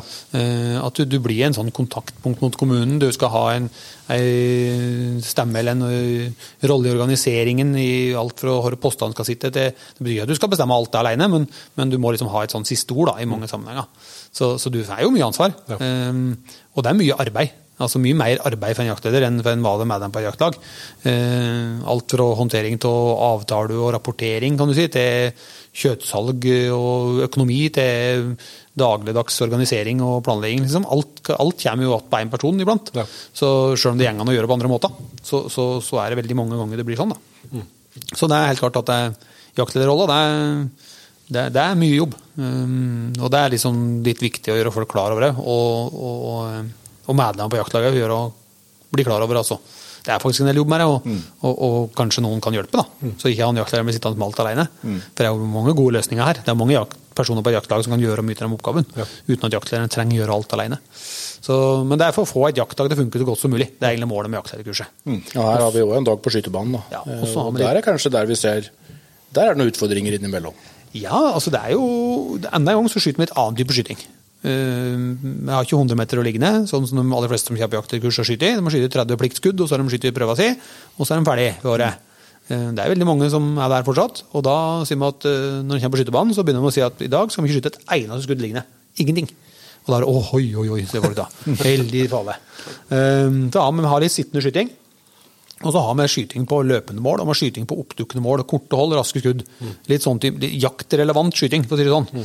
Eh, og, og det er jo ikke en stor bolk, det er noen timer med skyting, men det er sånn at folk får eh, prøvd seg litt. da. Og her er nok mer fokuset på å synes det er moro å skyte. Altså skape et litt større engasjement rundt dette her med rifleskyting. Mm. Slik at du kanskje slutter å kalle det pliktskudd. Ja. Eh, at du heller kaller det treningsskudd. Ja. Og fyller på med en par hundre treningsskudd til. Fordi det er moro. Skape litt andre øvelser. Og så drar vi holdet litt grann av, sånn på løperen f.eks. Kjøre i gang den løperen på, på 100 meter, og så skal du skyte på den. Så råker du knapt elgen. Eh, og da kanskje du ikke skal gjøre det på jakt. Det er jo få litt grann av sjølinnsikt i egne begrensninger, eh, og ta med deg da inn i jaktlaget. Eh, det tror jeg er viktig, Det er blant norske jegeren generelt. da. Ja. Og kanskje få med jaktlaget på den type trening òg. Akkurat det Ja, altså Du skaper den, den interessen rundt det, at det er moro å skyte. Og så er det utrolig, og du kan få det på 100-metersbane sjøl. Det er jo bare fantasien som har grenser for det. Innenfor, eh, selvfølgelig innenfor sikkerheten, men det er jo ganske mye spill man kan gjøre fra 0 til 100 meter. Ja. Eh, Så det er egentlig bare å, å klemme i gang og skape litt eh, engasjement rundt det. Og målsettinga er jo at de skal hjem igjen og dra med jaktlaget på ei, en skytedag, da, hvis man har muligheten til det. Eh, Så det det er nok en, noe vi jobber, kommer til å jobbe videre med òg, for å skape litt mer aktivitet rundt de andre skytebanene rundt omkring. Da. er et kurs som folk synes er veldig altså Nesten alle som på kurset er fryktelig fornøyd. Synes det er kjempespennende. Det er et tema som er relevante. Nesten alle har ting de kjenner seg igjen i, eh, og de synes det er moro. Liksom. De koser seg i helg da, med sånn kurs. Eh, Så det er, det, liksom veldig, det er veldig artig å holde kurs for sånne grupper. For de, det det er på en måte ting som du ser at de kjenner seg igjen i. Eh, Og det er jo det med, altså, med som heltkurset har jo har vært på deilig jaktlag opp igjennom. Da. Du har jo sett mye forskjellig. Sånn. Så det er jo da, da har han lært mye av det. da. Eh, og da, da er det da er det, altså, det er så mye likt, for å si det sånn, i jakta. Utfordringer og konflikter og, og, og opplegg. Det er så ja, det er så mye likhetstrekk at det er, det er fascinerende iblant. Du hadde et, eh, et som jeg noterte på her, som jeg syns så veldig artig ut. Uh, jegerprøvecamp. Ja. Det høres ut som en uh, Hvor gamle, gamle er unga dine? Ja, det er jo bare sju ennå, men uh, Ja. det ligger vel dårlig an etter hvert. Det er året de fyller uh, 14, da. så kan du sende dem hit første uka i skoleferien. Så, så er du du kvitt dem ei uke. Så passer du på den. Å- Ja, ja. Eller eh, vi får noen til å passe på dem for deg. Nei da, da kan du komme hit, og så har de et uh, jegerprøvekurs som går fra søndag til fredag. Og da, når de kommer igjen, da, så har de eh, forhåpentligvis bestått eksamen på fredag. Ja. Og da er klar for å reise på jakt. Ja. Og det er jo et, et kurs av våre, de varer litt lenger. eh, Litt, flere, litt mer timer. Mm. Så vi ligger vel på underkant av 60 timer, Eivind. Noe sånt Ja, nå. Og der eh, starter vi rett og slett med vomming. Første som skjer. De første pleier å gå i bakken allerede da. Som har, noen har hatt litt lite næring den dagen, og noen har, hatt, Har- kanskje ikke sett blod og dilldall før. Så eh, da starter vi med vomming og flåing. Og eh, da går det egentlig slag i slag gjennom hele uka til og med fredagen. Da. Og da har vi en egen skytedag på banen med praktiske øvelser, og de er gjennom mye. Til og med nede i parken for å se forskjell på elg, hjort, bjørn og gaupe og ulv. Så vi er, eh, drar gjennom det meste. Det er, men det høres ut som en veldig artig Det er jo sånn sommercamp, liksom, da, men eh, du, i tillegg får du ikke bare opplevelsene, du får med deg forhåpentligvis, som du ser en eksamen òg. Ja, ja, ja, absolutt. Og strykprosenten er jo enormt lav der. Vi, som regel så er det én til to som stryker, og vi har deltakere på 30. Ja. Så det er 30 deltakere. Og vi kjører ikke flere jegerprøvekurs enn den jegerprøvecampen. Det blir kjørt så mye jegerprøvekurs rundt omkring i, i alle lokalforeninger og fylkeslag, så det er ikke noe vi trenger å drive noe særlig med. Men den jegerprøvecampen den har vi drevet med siden vi starta, og det er noe som har fungert veldig bra. da. Men jeg tror nok kanskje det henger litt sammen med at folk syns det er greit å bli kvitt eh, en eller to unger den første uka i skoleferien. Det, det, hjelper litt av det. Men, men det, ikke- det er ikke, for, det er ikke bare, bare for dem, det er om du er 14 eller 18. Det er ikke noe. Det er for alle. Ja. og det er eh, hva du sa, Eivind, at det er nærmere 20 stykker som bor her oppe på senteret, som er på en måte på, på helpensjon. Og så er det noen voksne, og de, de bor jo enten om de bor hjemme eller om de har en bobil eller bor nede på hotellet, så velger de å gjøre det på den måten. da. Ungdommene pleier å bo her. kan du si. De har ja. med madrass og liggeunderlag og sover på gulvet og er på som, som på leir, som du sa. Det er som fotballcamp, liksom. Ja, ja, ja, det er akkurat sånn. Eh, og så er de voksne med ordne seg ting, da, selvfølgelig. Men de er med på kurset, kan du si. da. Så, men det er jo sånn, det er jo det som er. Det er jo, det er jo en leir, og det er jo folk som er så kompiser for livet, liksom, som er her. Eh, og vi har jo det med to som, eh, som møttes her og gifta seg i fjor. Ja. Eh, så det Møtte her på Eberøy-camp, så det er ikke gærent. De var litt eldre enn 14, da. De var. Ja, ok, Så det var ikke Ja. noe sånn Nei, gøy. Ja. Eh, men da- Det var jo godt å høre, da. Det var rundt 20 år gamle, tror jeg, når de møttes her. Ja. Så det er ikke verst. Tøft. Det er ikke dårlig, da. Jeg visste det faktisk ikke. Slakting og utforming, det kurser dere folk i det òg? Vi har det. Eh, Vi har kurs på det. altså Én dag med vomming og flåing, Ja. og én dag med partering. Ja. Eh, Så på samme helg, da. Ja. Slik at du kan melde deg på ett av dem, eller du kan melde deg på begge. I kombinasjon, da. Mm. Så da får vi dyr med magen i, rett inn i slakteriet. Eh, Og enten jeg eller dem vi har som helt kursa, er, beskjeden er ganske klar. Men skal, instruktøren skal ikke gjøre noen ting. Det er kurset. Det er deltakerne som skal gjøre. Ja. Så da må du vomme og flå sjøl. Skjære og dra og trykke og vri og knote. Eh, For veldig ofte så Nei, nei, for, jeg skal vise deg her nå. Ja. Og så, Det er Det er sånn det skjer. Ja. Ja. Det er sånn det skjer ute i jaktlaget. eh, Og det er jo til og med jaktlag som har fast slakter. Slik at du får ikke prøve engang. Eh, Og det er det jeg sier, altså ingen her er jo ferdig utlærte slaktere Andre har vært her en dag og prøvd. Nei. Det er på ingen måte, men de har prøvd, de har fått en start. Og si at så må du bli med når du kommer ut av jakta hit, eller bare spør noen du kjenner. om kan du bare bli med og slakte. For det eneste måten å lære på, det er å gjøre det. Eh, For å huske det godt nok. Når du gjør det mange nok ganger. Men de har fått en start, iallfall. Uh, herifra. Og da akkurat samme partering. da. Stender med en dag ved skjærebordet og skjær. Eh, Så har vi jo, de er jo jobba jo litt i grupper og sånn. Det er ikke sånn at vi eier ei- ett dyr per mann liksom, på kurset. per deltaker. Det er sånn at de, de må dele litt på seg og jobbe litt sammen i grupper. Men, men eh, partera, hvis du har to og to er på hver sin halve hjort, eh, dåhjort eller sånn, som er vanligvis bruka, da. Eh, og så en tre-fire per, per eh, dåhjort inne på vomming og flåing, så får du prøvd litt, da. Ja. Du får til som en dåhjort? Hm? Hvor du får til som en dårgjort? Nei, det er noe heng, da, vet du. Da må det, Når det er slike kurs, så må en ha bestilling fra heng. da. Så det er jo tamdyr for så vidt, det med inn, men prinsippet er jo akkurat det samme. En dårgjort er en sånn middels stor, eh, stort kløvvilt. Litt større enn et rådyr, litt mindre enn en hjort. Eh, Stor som en liten rein, da, for å si det sånn. Det jo- så det er ganske sånn Det er håndterbar størrelse, men fortsatt stort nok til at du ser og skjønner. Alle, alle hjortevilt er jo konstruert likt. måte. Så det er jo det samme om du gjør det på en elg eller et rådyr, egentlig. Men det er bare at ting sitter litt mer fast på en elg eh, enn det er på et rådyr. Men, men konstruksjonen er jo akkurat det samme. da. Så ja, det er veldig jeg tenker det er kjempekurs, og jeg er ikke, jeg er ikke ekspert eh, på det hele tatt sjøl, men eh, jeg har, liksom, jeg har jo vokst opp med det, så da har du tilegnet deg litt over tid. Så da liksom, jeg tenker ikke på at Men selvsagt er det mange som ikke har det sånn. Veldig mange. Veldig mange har ikke det. Altså, vi, er- jo oppvokst med fedre og besteforeldre Yes. liksom, som, som har vært med og, og vært på jakt. Vi har vokst opp med det og lært av dem og sånn. Men veldig mange har ikke det. Eh, Enten at de ikke har dem der lenger, eller at de, at de ikke har den bakgrunnen i familien. Helt, rett og slett. Eh, De har bare begynt med jakt av seg sjøl. Og da trenger de en plass å begynne, og veldig mange virker som er på en måte bøygen for å komme oss ut på jakt etter, etter du har tatt jegerprøva, er akkurat det der at du veit ikke helt hvordan du skal slakte. Så tør du ikke begynne, for at du, du tør ikke ta sjansen, eller du føler deg ikke god nok på skyting. Og så kjenner du ikke ut på det. Og da er det, hva er det? Gå noen kurs, bli med noen som kan. Eh, Gå noen skytekurs, eller gå med slaktekurs, og så, og så har du fått en, et utgangspunkt. Og så må du prøve. Og som vi sier, det er altså, Altfor mange er altfor redde for øyelegering. Altså Når du skal partere et dyr, da, så tenker de, jeg kan ikke gjøre det for jeg er redd for å skjære feil. Ja. Og skjer hvis du skjærer feil, da? Du skjærer en bit i to som skulle vært i én. Ja, det blir mat av den. Helt fint. Og så gjør du det bedre neste gang. Det er ikke verre enn det, altså. ja, men jeg tror det er, altså, det er det å klare å ta, være litt rolig, da. Det er, hvis du er eh, førstegangsjeger, og så har du vært på skytetrening, og så har du fått et reinskort, og så har du skutt deg reinsimle inn på fjella.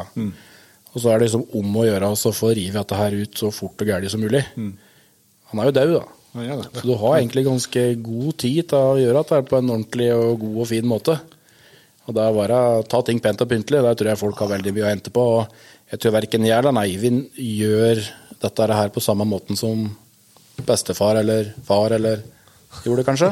Tror helt sikkert ikke det. Nei, jeg tror ikke det. Så det er som du, du teller deg noe kunnskap etter hvert, da. Og så er det å prøve å formidle det på en god og fornuftig måte. Og, så Men det det, er jo, det er jo veldig moro å se at altså, jegerstanden Nå kommer veldig mange jegere på, på kurs, og på parteringskurs eller kjøttbehandling. Da, så er det jo vært diverse fra gamle dager. Det er ingen tvil. Eh, Men veldig, veldig, altså flere og flere blir veldig mye flinkere til å ta vare på, på, det, på kjøttet. Altså, Vi tok jo vare på det før, men akkurat om rensligheten eller akkurat kvaliteten på det var litt forskjellig. Jeg vokste opp på et jaktlag som hadde to typer kjøtt, steik og kjøttegg. Ja. Det var Alle kjøttbiter til størrelse, det ble steik, og alt annet gikk i kvern. Ja. Jeg er sikker på at den indrefileten der var ikke steik, for å si sånn. Den tror jeg gikk rett i benet. Um, Så det er liksom De har kommet langt derifra nå. Eh, rett og slett for at vi altså eh, vi, begynner å bli bevisst på hvor god den råvara er. For det, altså, det er jo det er noe av verdens beste kjøtt, det vi har. Det er villkjøttet vi har tatt inn i fra jakt. Det er det reneste, fineste, eh, mest smakelighet. Kan bli det møreste. Det, altså det, kjøtt i butikken er ikke kjøtt engang, altså i forhold til det kjøttet vi kan ha sjøl. Det, er- det er seigt, og det er lite smak, og det er alt mulig. Eh, kan si han vil, men det er, altså, det er ikke sjans å få det så mørt og vint som en kan få det sjøl.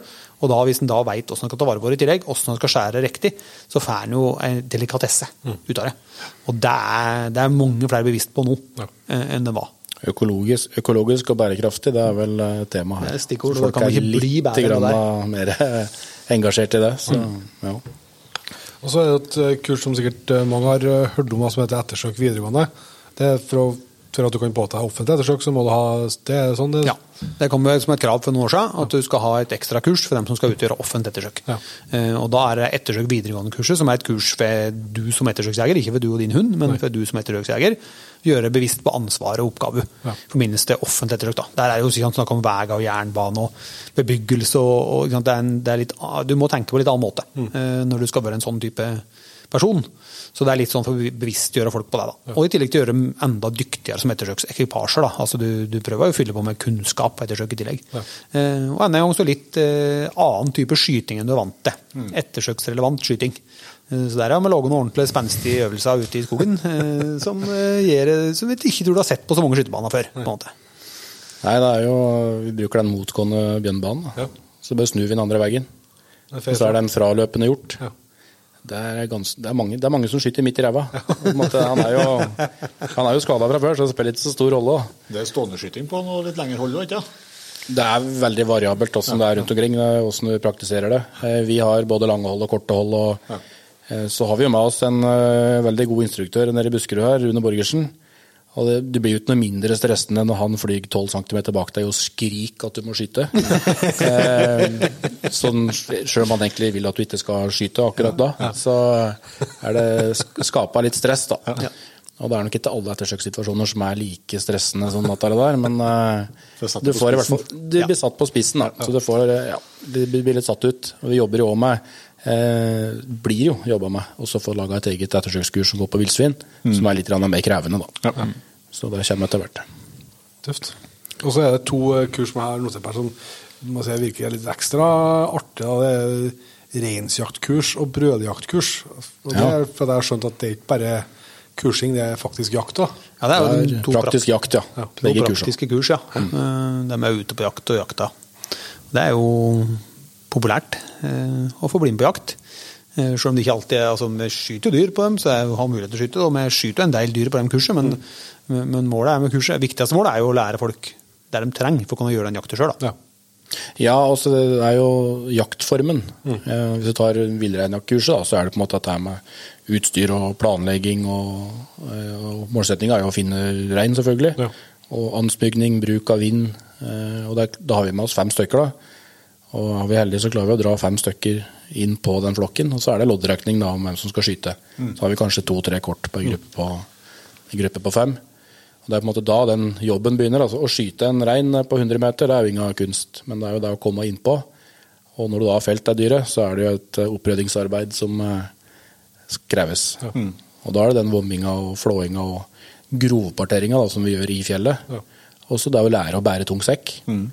Det nytter ikke å komme med rumpetaske på reisejaktkurs, eh, men det spiller ingen rolle, for jeg har med stor sekk som kan bære den. Så det er, så, vi, Så kan du ta rumpetaska i stedet. ja, ja, ingen problem. Så vi prøver å pakke en tung sekk, og folk får kjent litt på bæra. Og, eh, så det er på en måte sånn den, det villreinkurset fungerer, da.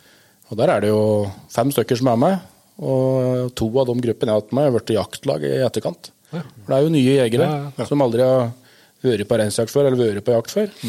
Og de skaper noen nye kontakter og jakter da rein sammen og, og rådyr, og blant annet da, de som jeg vet om i hvert fall. ja.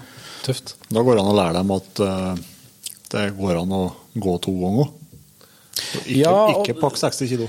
Det er jo en egenskap som er veldig dårlig til deg sjøl, så jeg har jo faktisk et ødelagt kne pga. det. Eh, men det er jo latskap. Eh, du tror det er tøft å bære tung sekk, det er latskap. Eh, gå to turer, da er du sprek, tenker jeg. Så det er mye å hente der. og det er...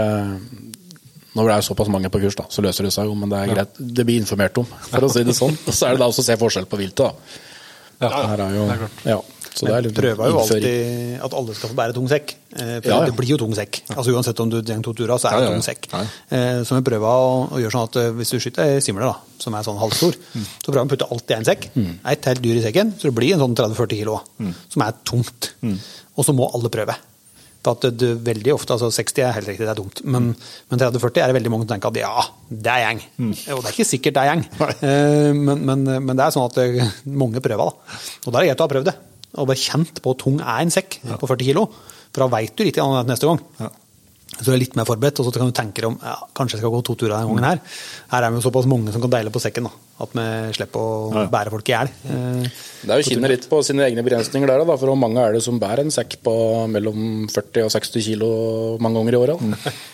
Du har som eh, nesten ikke gjort noen verdens ting, har gått tur med bikkja, det er det du har gjort, og så skal du på reinsjakt og banke på deg en sånn sekk, og så skal du gå de fire kilometerne bratt nedover att med den reinen i sekken.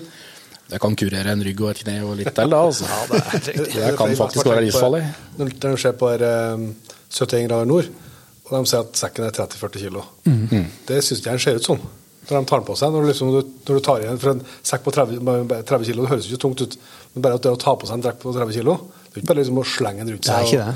hive den på seg, som du ser på TV-en når de sier at Nei, men når du, når du går på ekspedisjon i dunjakke, Ja. da går du jævla seint, Ja, det, tenker jeg. det liksom, om jeg- er på Reinsfjellet i september, og det er morgen, og det er eh, to-tre eh, kuldegrader kanskje, så er det jo fortsatt bare en ullfrotte. Ja. Ja. Så det er ikke noe dunjakke der. Nei. tenker jeg da. Eh, Dere har spekulert på oss.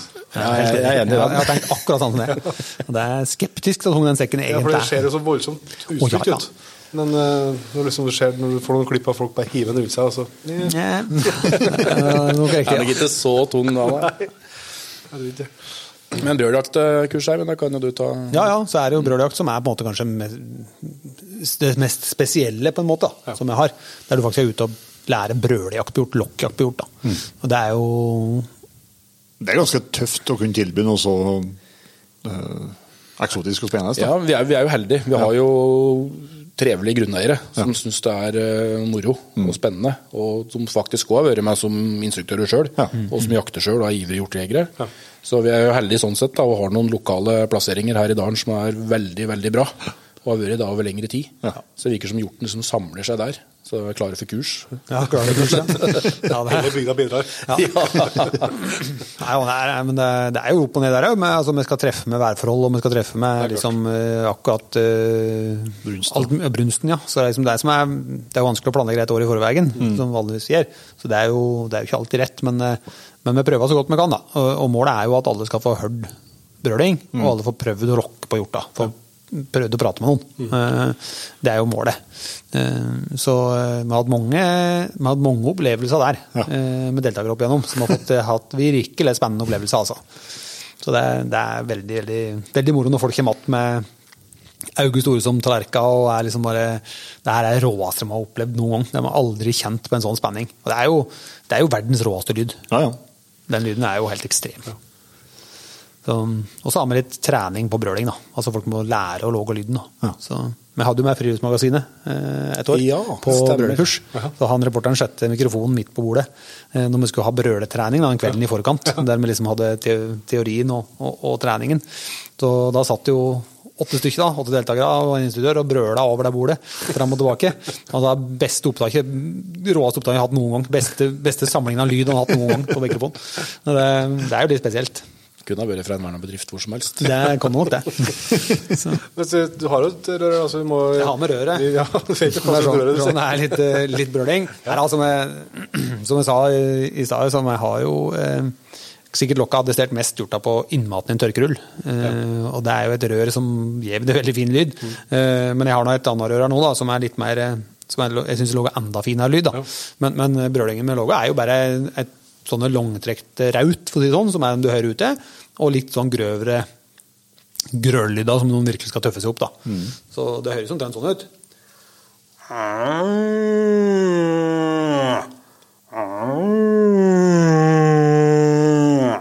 Og så kan kan legge til, ja. Kan legge til litt sånn derre Eh, Sånne småtteri. Det er, det er liksom det som er, det som er de lyda med lære bort. da. Eh, og det er den der når du står ute i en sånn kald, klar uh, oktobernatt med liksom måneskinn og dønn stille, blir knasa i alle skritt du tar, og så kommer det en sånn en. bare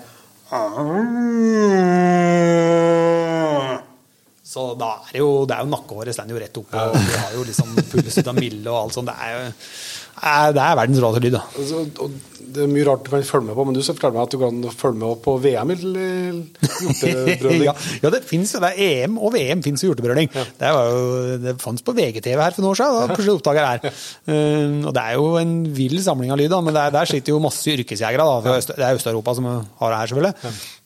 Skulle du meldt deg på, du? Altså, jeg har ikke det, altså. Jeg føler nok kanskje ikke at jeg når helt opp der. Jeg Tror det blir kjent og kort der. Der, ja, der, der var det rå gutter, altså. Eh, Det er helt vilt. Så det er yrkesjegere som har det som jobb å lokke hjorta til klienter. Ja. Og dem sitter der med dommerpanelet bak seg og får karakterer på lydene sine. De er, mange av dem er også bygd for lyd. De er jo det. De har en egen kroppssong. Det, er- det er riktig. Men eh, det er fantastisk. Eh, Men det er jo trening. Det her er akkurat som med slaktingen, så er det du må ut og prøve. Du lærer ikke det hvis du ikke prøver. Og i starten så høres alle dumme ut, og du syns du høres helt merkelig ut i starten. Og syns ikke ligna på noe som helst. Og så etter noen forsøk så får du svar. Og så ser du å ja, kanskje ikke jeg var så langt vekk allikevel. Og så blir det bedre og bedre. Så du må ut og prøve. Det er eneste sjansen. Ja, og så ta inn sjansen på hvis det er noe som du forteller da med, med at det er stilt og, stilt og helt drypende i skogen, og så skal du da bryte inn stillheten med din lyd. Veldig rart. Ja. Eh, Det kjennes helt feil ut. Eh, Og det er jo litt sånn, altså det er flere taktikker, flere måter å gjøre det på. Mm. Så, så det er jo sånn at en kan være forsiktig med å gjøre det, men, men når en har faktisk eh, lært seg lyden, kan du si, og, og føler deg litt trygg på den, så kan du faktisk gjøre det, og da skal du starte hele orkesteret. Mange ganger er det stille. Du kommer ut på kvelden eller på morgenen, helt stille, og tenker du, er ingen her i dag? Og så kommer det ett sånn derre og så bare starta hele liet. Bare svara momentant. Det er fem, seks, sju stykker som bare «Bø, bø, bø, bø». Men, «Å, ja, Her var de, ja. Og så har du satt i gang hele konserten. da. Eh, Det er litt moro. Eh, Da veit du at det, det virka iallfall litt. Det er jo da å tørre å komme i gang. altså Tørre å komme seg ut og prøve. Og da er det jo fint å bare Får du svar, da. Så er det bare å repetere det den sier til deg. Så kommer det to sånne lange brøl og så et snøft, så gjør du akkurat det samme. Da holder den dialogen i gang. Selvfølgelig, hvis det er eh, muligheter til å jakte, så tar jeg med børsa og så ansmyger litt. Grann, da. Så det er mye muligheter der, altså. Men bare ut og prøve. Altså uten bare prøve. Hvis du har en plass der det brølet har gjort av, og du ikke sitter noen og jakter, da, så du ødelegger det, selvfølgelig, så, så, så er det Det rett og kan bli slett spennende. Ja, det er, kan bli mye dårlig stemning, i hvert fall. Um, når du finner ut av den mannen som står der. Men, eh, nei, men, men ut på natt og stå og høre på, og så prøve. Eh, det var sånn vi lærte med, med plass når vi gikk på Enestad. Eh, og, og, og hadde en plass der mellom Glomma og fylkesveien som gjorde han trekte ned og sto på nedsida av veien og brøla. Og vi kjørte bort til fylkesveien hver kveld ikke sant? og sto der og hørte på, og så prøvde vi å brøle. Ja, Det var sånn vi lærte å brøle. Ja. Lærte og hørte på de forskjellige stemmene på de forskjellige bukkene. Og, og sånn. Og så var det i starten så ble det dønn stille. da, når vi brøla, ikke sant? Skjønte ok, kanskje ikke det var helt riktig. Nei. Men så etter hvert da, så lærte du det at, så kjente du det at du var nærmere og nærmere da, i lyd. Eh, og sjøl om du ikke syntes det ligna så mye sjøl, alltid, så, så var det utrolig altså, hva de svarte på. Så da lærte du mer og mer. Bra. Da har vi begynt å kanskje vært gjennom eh, mye av eh, i hvert fall store deler sikkert ting vi har glemt òg, men i hvert fall mye av kursene. Vi har masse, masse rart med, men det er, det er, det er bare matkurs jeg, som vi ikke har prata om. Ja. Eh, Så da er det liksom eh, Vi har jo kurs på pølsemaker, røyking, speking og sånne ting. Ja. Rakfisk eh, og slikt. Så det er jo liksom sluttresultatet. Når du har, du har lært å skyte og alt sånn i starten, og så har du lært å, å brøle og jakte, og så har du, har du lært å slakte, og så kommer du hjem og skal lage litt mat. Det er liksom det som er igjen. da. Så da har vi ei helg i november med, med pølsemaker, røyking, speking og, og, og rakfisk, da. Som er liksom sånn eh, mathelg. Så det er liksom det siste som skjer før året, sånn til vanlige, ordinære kurs. da. Men eh, det, det, er jo masse her. Altså, tenker sånn, det er jo det som er veldig fint også, at vi ønsker å få fram på vis. også, der, altså at det er jo både kurs og for å utvikle deg sjøl som jeger, og så ikke minst det her for å være med og hjelpe til å utvikle andre jegere, som vi trenger over hele landet. selvsagt. Ja. Det er jo på en måte det viktigste vi driver med, er jo det. Sammen med det rovviltansvaret som vi har her, Ja. så er det der instruktørvirksomheten som blir prioritert. Og Tidligere så hadde vi jo 160-170 kurs, vi var jo et par ansatte til. Ja. Eh, Nå er vi nede på en eh, 60-70 kurs. Eh, Og det er for at vi har prioritert bort mye av disse her utøverkursa og satser mye hardere på den instruktørutdanninga. Ja. Og det er jo, vi er jo hele Norges Jeger og Fisk, som Eivind sa. Eh, og, og da gjør vi den jobben for NJFF. da. Å Skape mer aktivitet rundt de lokalforeningene. Ja. Ja. Og så, så er jo det som er viktig å påpeke, at det er jo, det er jo ekstremt sosialt og trivelig, og du blir jo kjent med mange nye folk Ja. når du er her på kurs. Absolutt. Og det er jo flere som har holdt kurs sammen. altså da, Nabokommuner f.eks. som har hatt en instruktør utdanna fra hver kommune. Ja. Så har de holdt felles kurs for å skape større kurs og mer aktivitet. Og det er jo, Når folk til og med gifter seg, da, hvis de ikke hjem, da, men det er jo utrolig at det, ska, det skaper jo noen bånd. og det er jo Målsettinga vår er jo å skape oss så store kurshelger som mulig. da. Ja. Det er derfor vi har tre kurs samtidig. Eh, Så nå til helga nå så kommer det vel en nesten 50 stykker tror jeg, som skal på kurs nå i helga. Og det er jo en felles, eh, felles middag, og det er skytesimulator, åpen bar og greier på lørdagen. og eh, Det blir jo trivelig. Ja. Det gjør jo det. Klart det. Men vi har jo noen faste punkt eh, i Jegerbodens episoder som vi må ha dere med gjennom før vi runder helt av herfra. Så vi kan starte med da, Anders, på, hvis du skal komme med et beste jakttips. da. Beste jakttips? Ut, utenom å melde deg på kurs på Flå, da. Ja, for det er jo starten, selvfølgelig. Nei, jeg tror beste jakttipset mitt jeg tror det er å komme seg ut. Ja. Være ute, prøve. Rett og slett. Ikke være redd for det. Eh, Nei, ikke bare sitte og scrolle på sosiale medier og eh, kataloger på diverse jaktutstyr, men faktisk komme seg ut og prøve. Mm. Eh, det er nok eh, mitt beste jakttips. Det tror jeg er veldig bra. Ja. Ja, Det var egentlig mitt beste tips òg, han tok noe. Men da må det, da må det neste øre å Tips nummer to. Ja, det må neste øre å, å finne noen å lære av. Ja. For Altså, det, er jo klare å, det er så mye lettere å komme seg ut hvis du har en du kan henge på. Ja. Eh, og det er der mange savner, for ikke, som ikke kommer seg ut. For de har liksom ingen de kan følge. Eh, så det er å komme, finne noen, eh, og det kan en jo finne i en lokalforening. Ja. Eh, det kan en finne i et jaktlag han kjenner, eller det kan en finne i familien. Men, men, men liksom, finne noen han kan faktisk spørre om kan jeg få bli med det, eh, og se og lære. Ja, og, og tors, torsa faktisk spør. Ja. Ja. Det er ikke farlig, det. Det er Nei, ingen som er en måte at, Dessverre, det passer ikke akkurat nå. Det er akkurat det. Det er ikke verre enn det. Så, så ikke vær redd for det. Eh, Og det er jo sånn vi som bordet her har lært mm. veldig mye, tror jeg. Eh, Og det er, jo, det er jo veien ut for veldig mange. Komme med noen. Forbundet nå har jo en del sånne introjakter på alt som fins, egentlig. Og at en tar kontakt med sine lokalforeninger eller fylkeslag og hører om å få være med på, på introjakter på diverse ting, eh, det er en kjempemulighet for mange. Det er en bra, bra plass å starte. Absolutt. Hvis det Nå skal jo ha det utstyret, men eh, hvis, hvis dere skal trekke fram noe jaktutstyr da, som dere eh, spesielt vil anbefale, som dere eh, sjelden legger igjen hjemme Dæven, nå ble det stilt rundt bordet. Jeg, hadde, har jo med meg så jævlig mye drit, så det er jo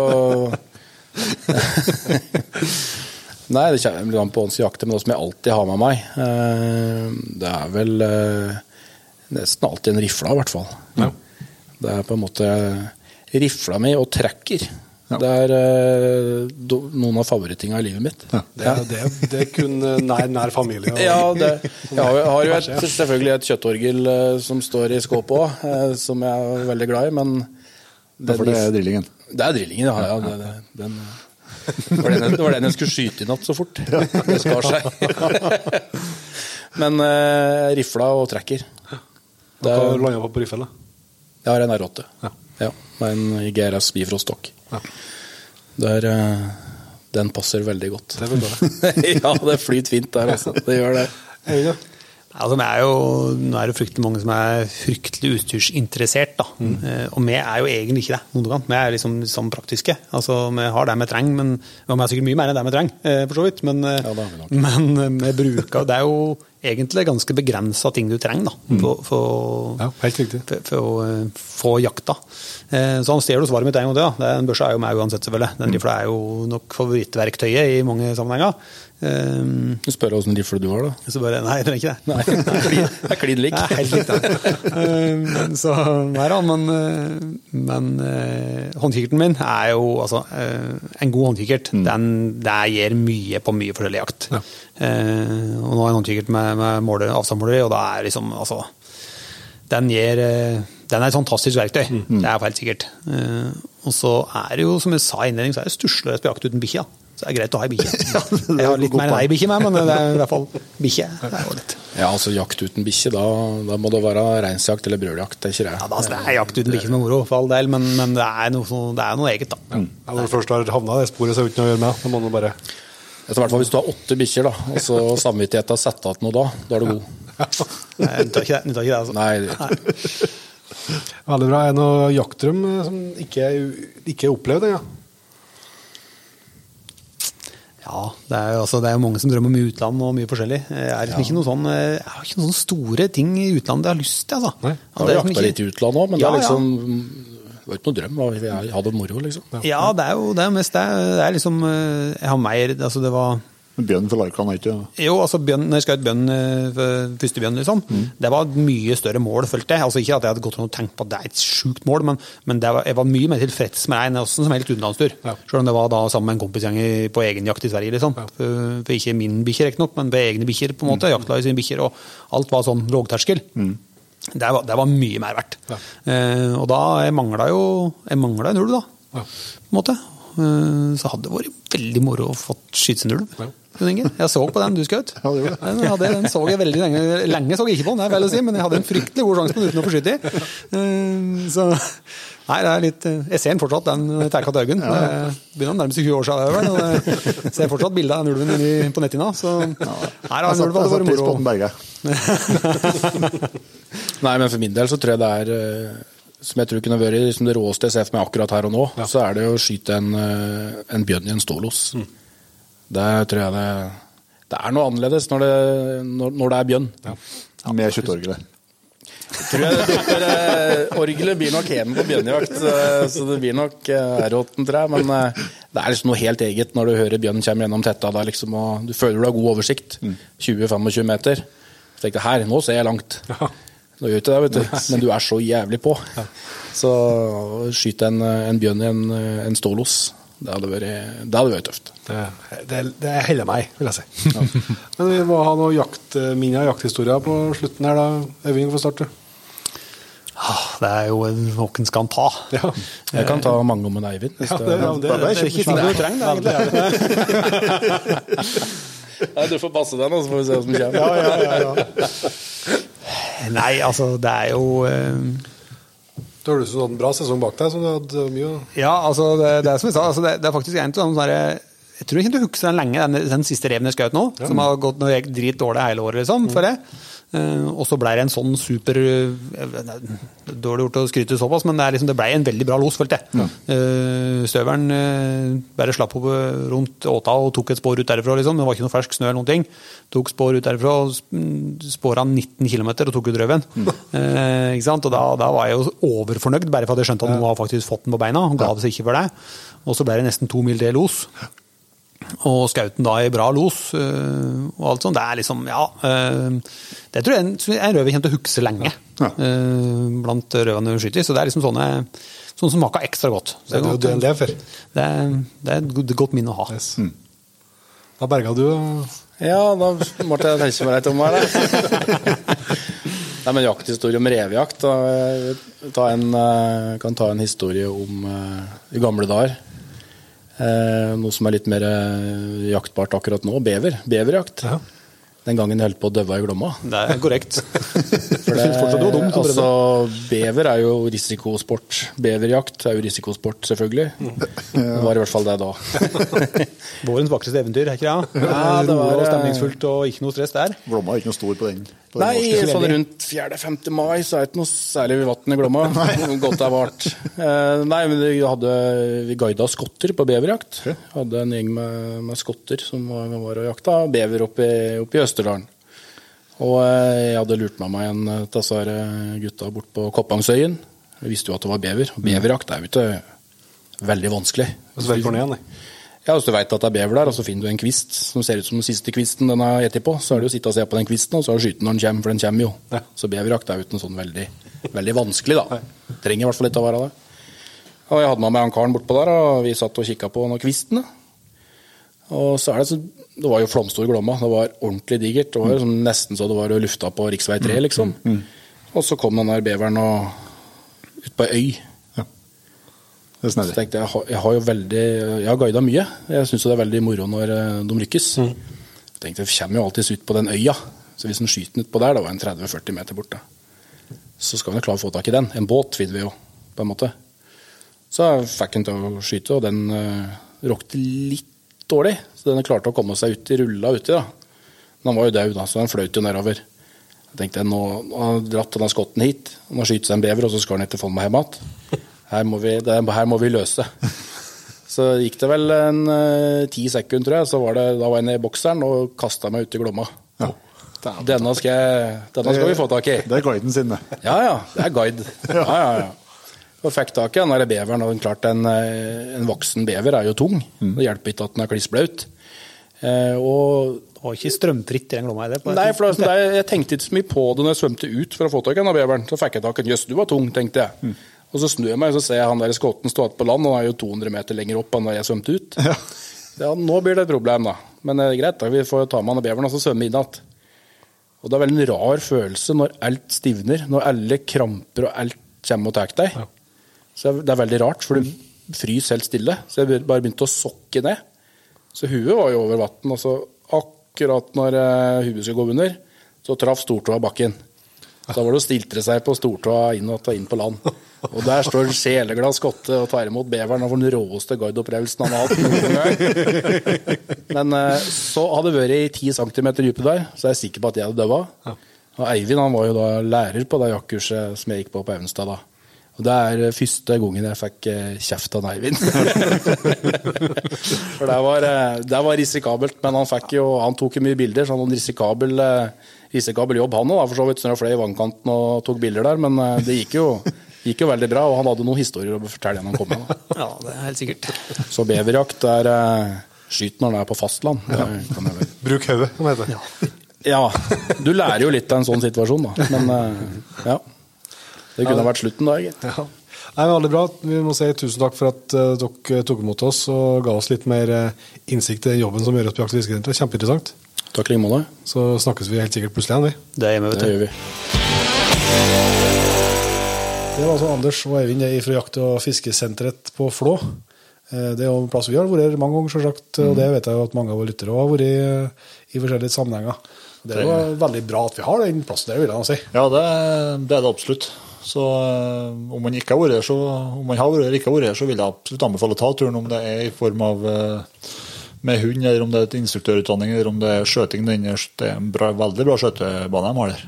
Og, nei, det er mye artig å ta seg til der. Det, så det er vel verdt et besøk. Ja, og så, så er det noe sånn, det sa vi kanskje ikke noe om i praten med dem, da, men vi har kanskje ikke reklamert for hardt her. Da, men men altså, det er noe, noe som jeg har tenkt på, for at det er jo fint sånn hvis ikke hele familien jakter, eh, og du skal være på et helgakurs, så går det an å la hele familien ferdig til lag. For det er jo ting å gjøre med, med Bjørneparken og, Absolutt. og det der, sånn at du kan liksom eh, Både den parten som ikke jakter, hvis det er unger og greier, kan jo slå i hjel ganske mye tid der. En hel, helhelg med fornøyde familiemedlemmer, alle sammen. Aldri feil. så det, nei, men Da skal vi begynne å runde av for alvor. Skal vi først og fremst eh, her bare takke noen nye patrients som har kommet inn i jaktlaget. Ja. Så vi sier tusen hjertelig takk til Mats Brandt, Arild Ove Sørmo, Geir Plassen, Ola Gaute Sletta Rolstad Espen Karlstrøm. og Joar Staveli.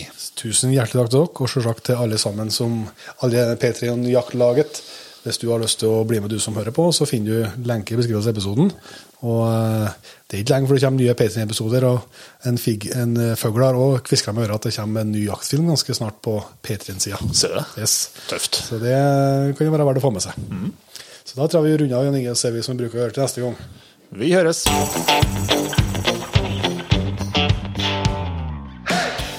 Tusen hjertelig takk for at du valgte å bruke litt av tida di på Jegerpodden. Sjekk ut jegerpodden.no eller eh, din favoritt-podkastspiller for enda mer innhold og flere episoder. Følg også Jegerpodden på Facebook og Instagram, og ikke minst, husk å fortelle alle gode venner, familie og tilfeldige forbipasserende om Jegerpodden, sånn at vi får spredd det glade budskap videre. Vi høres.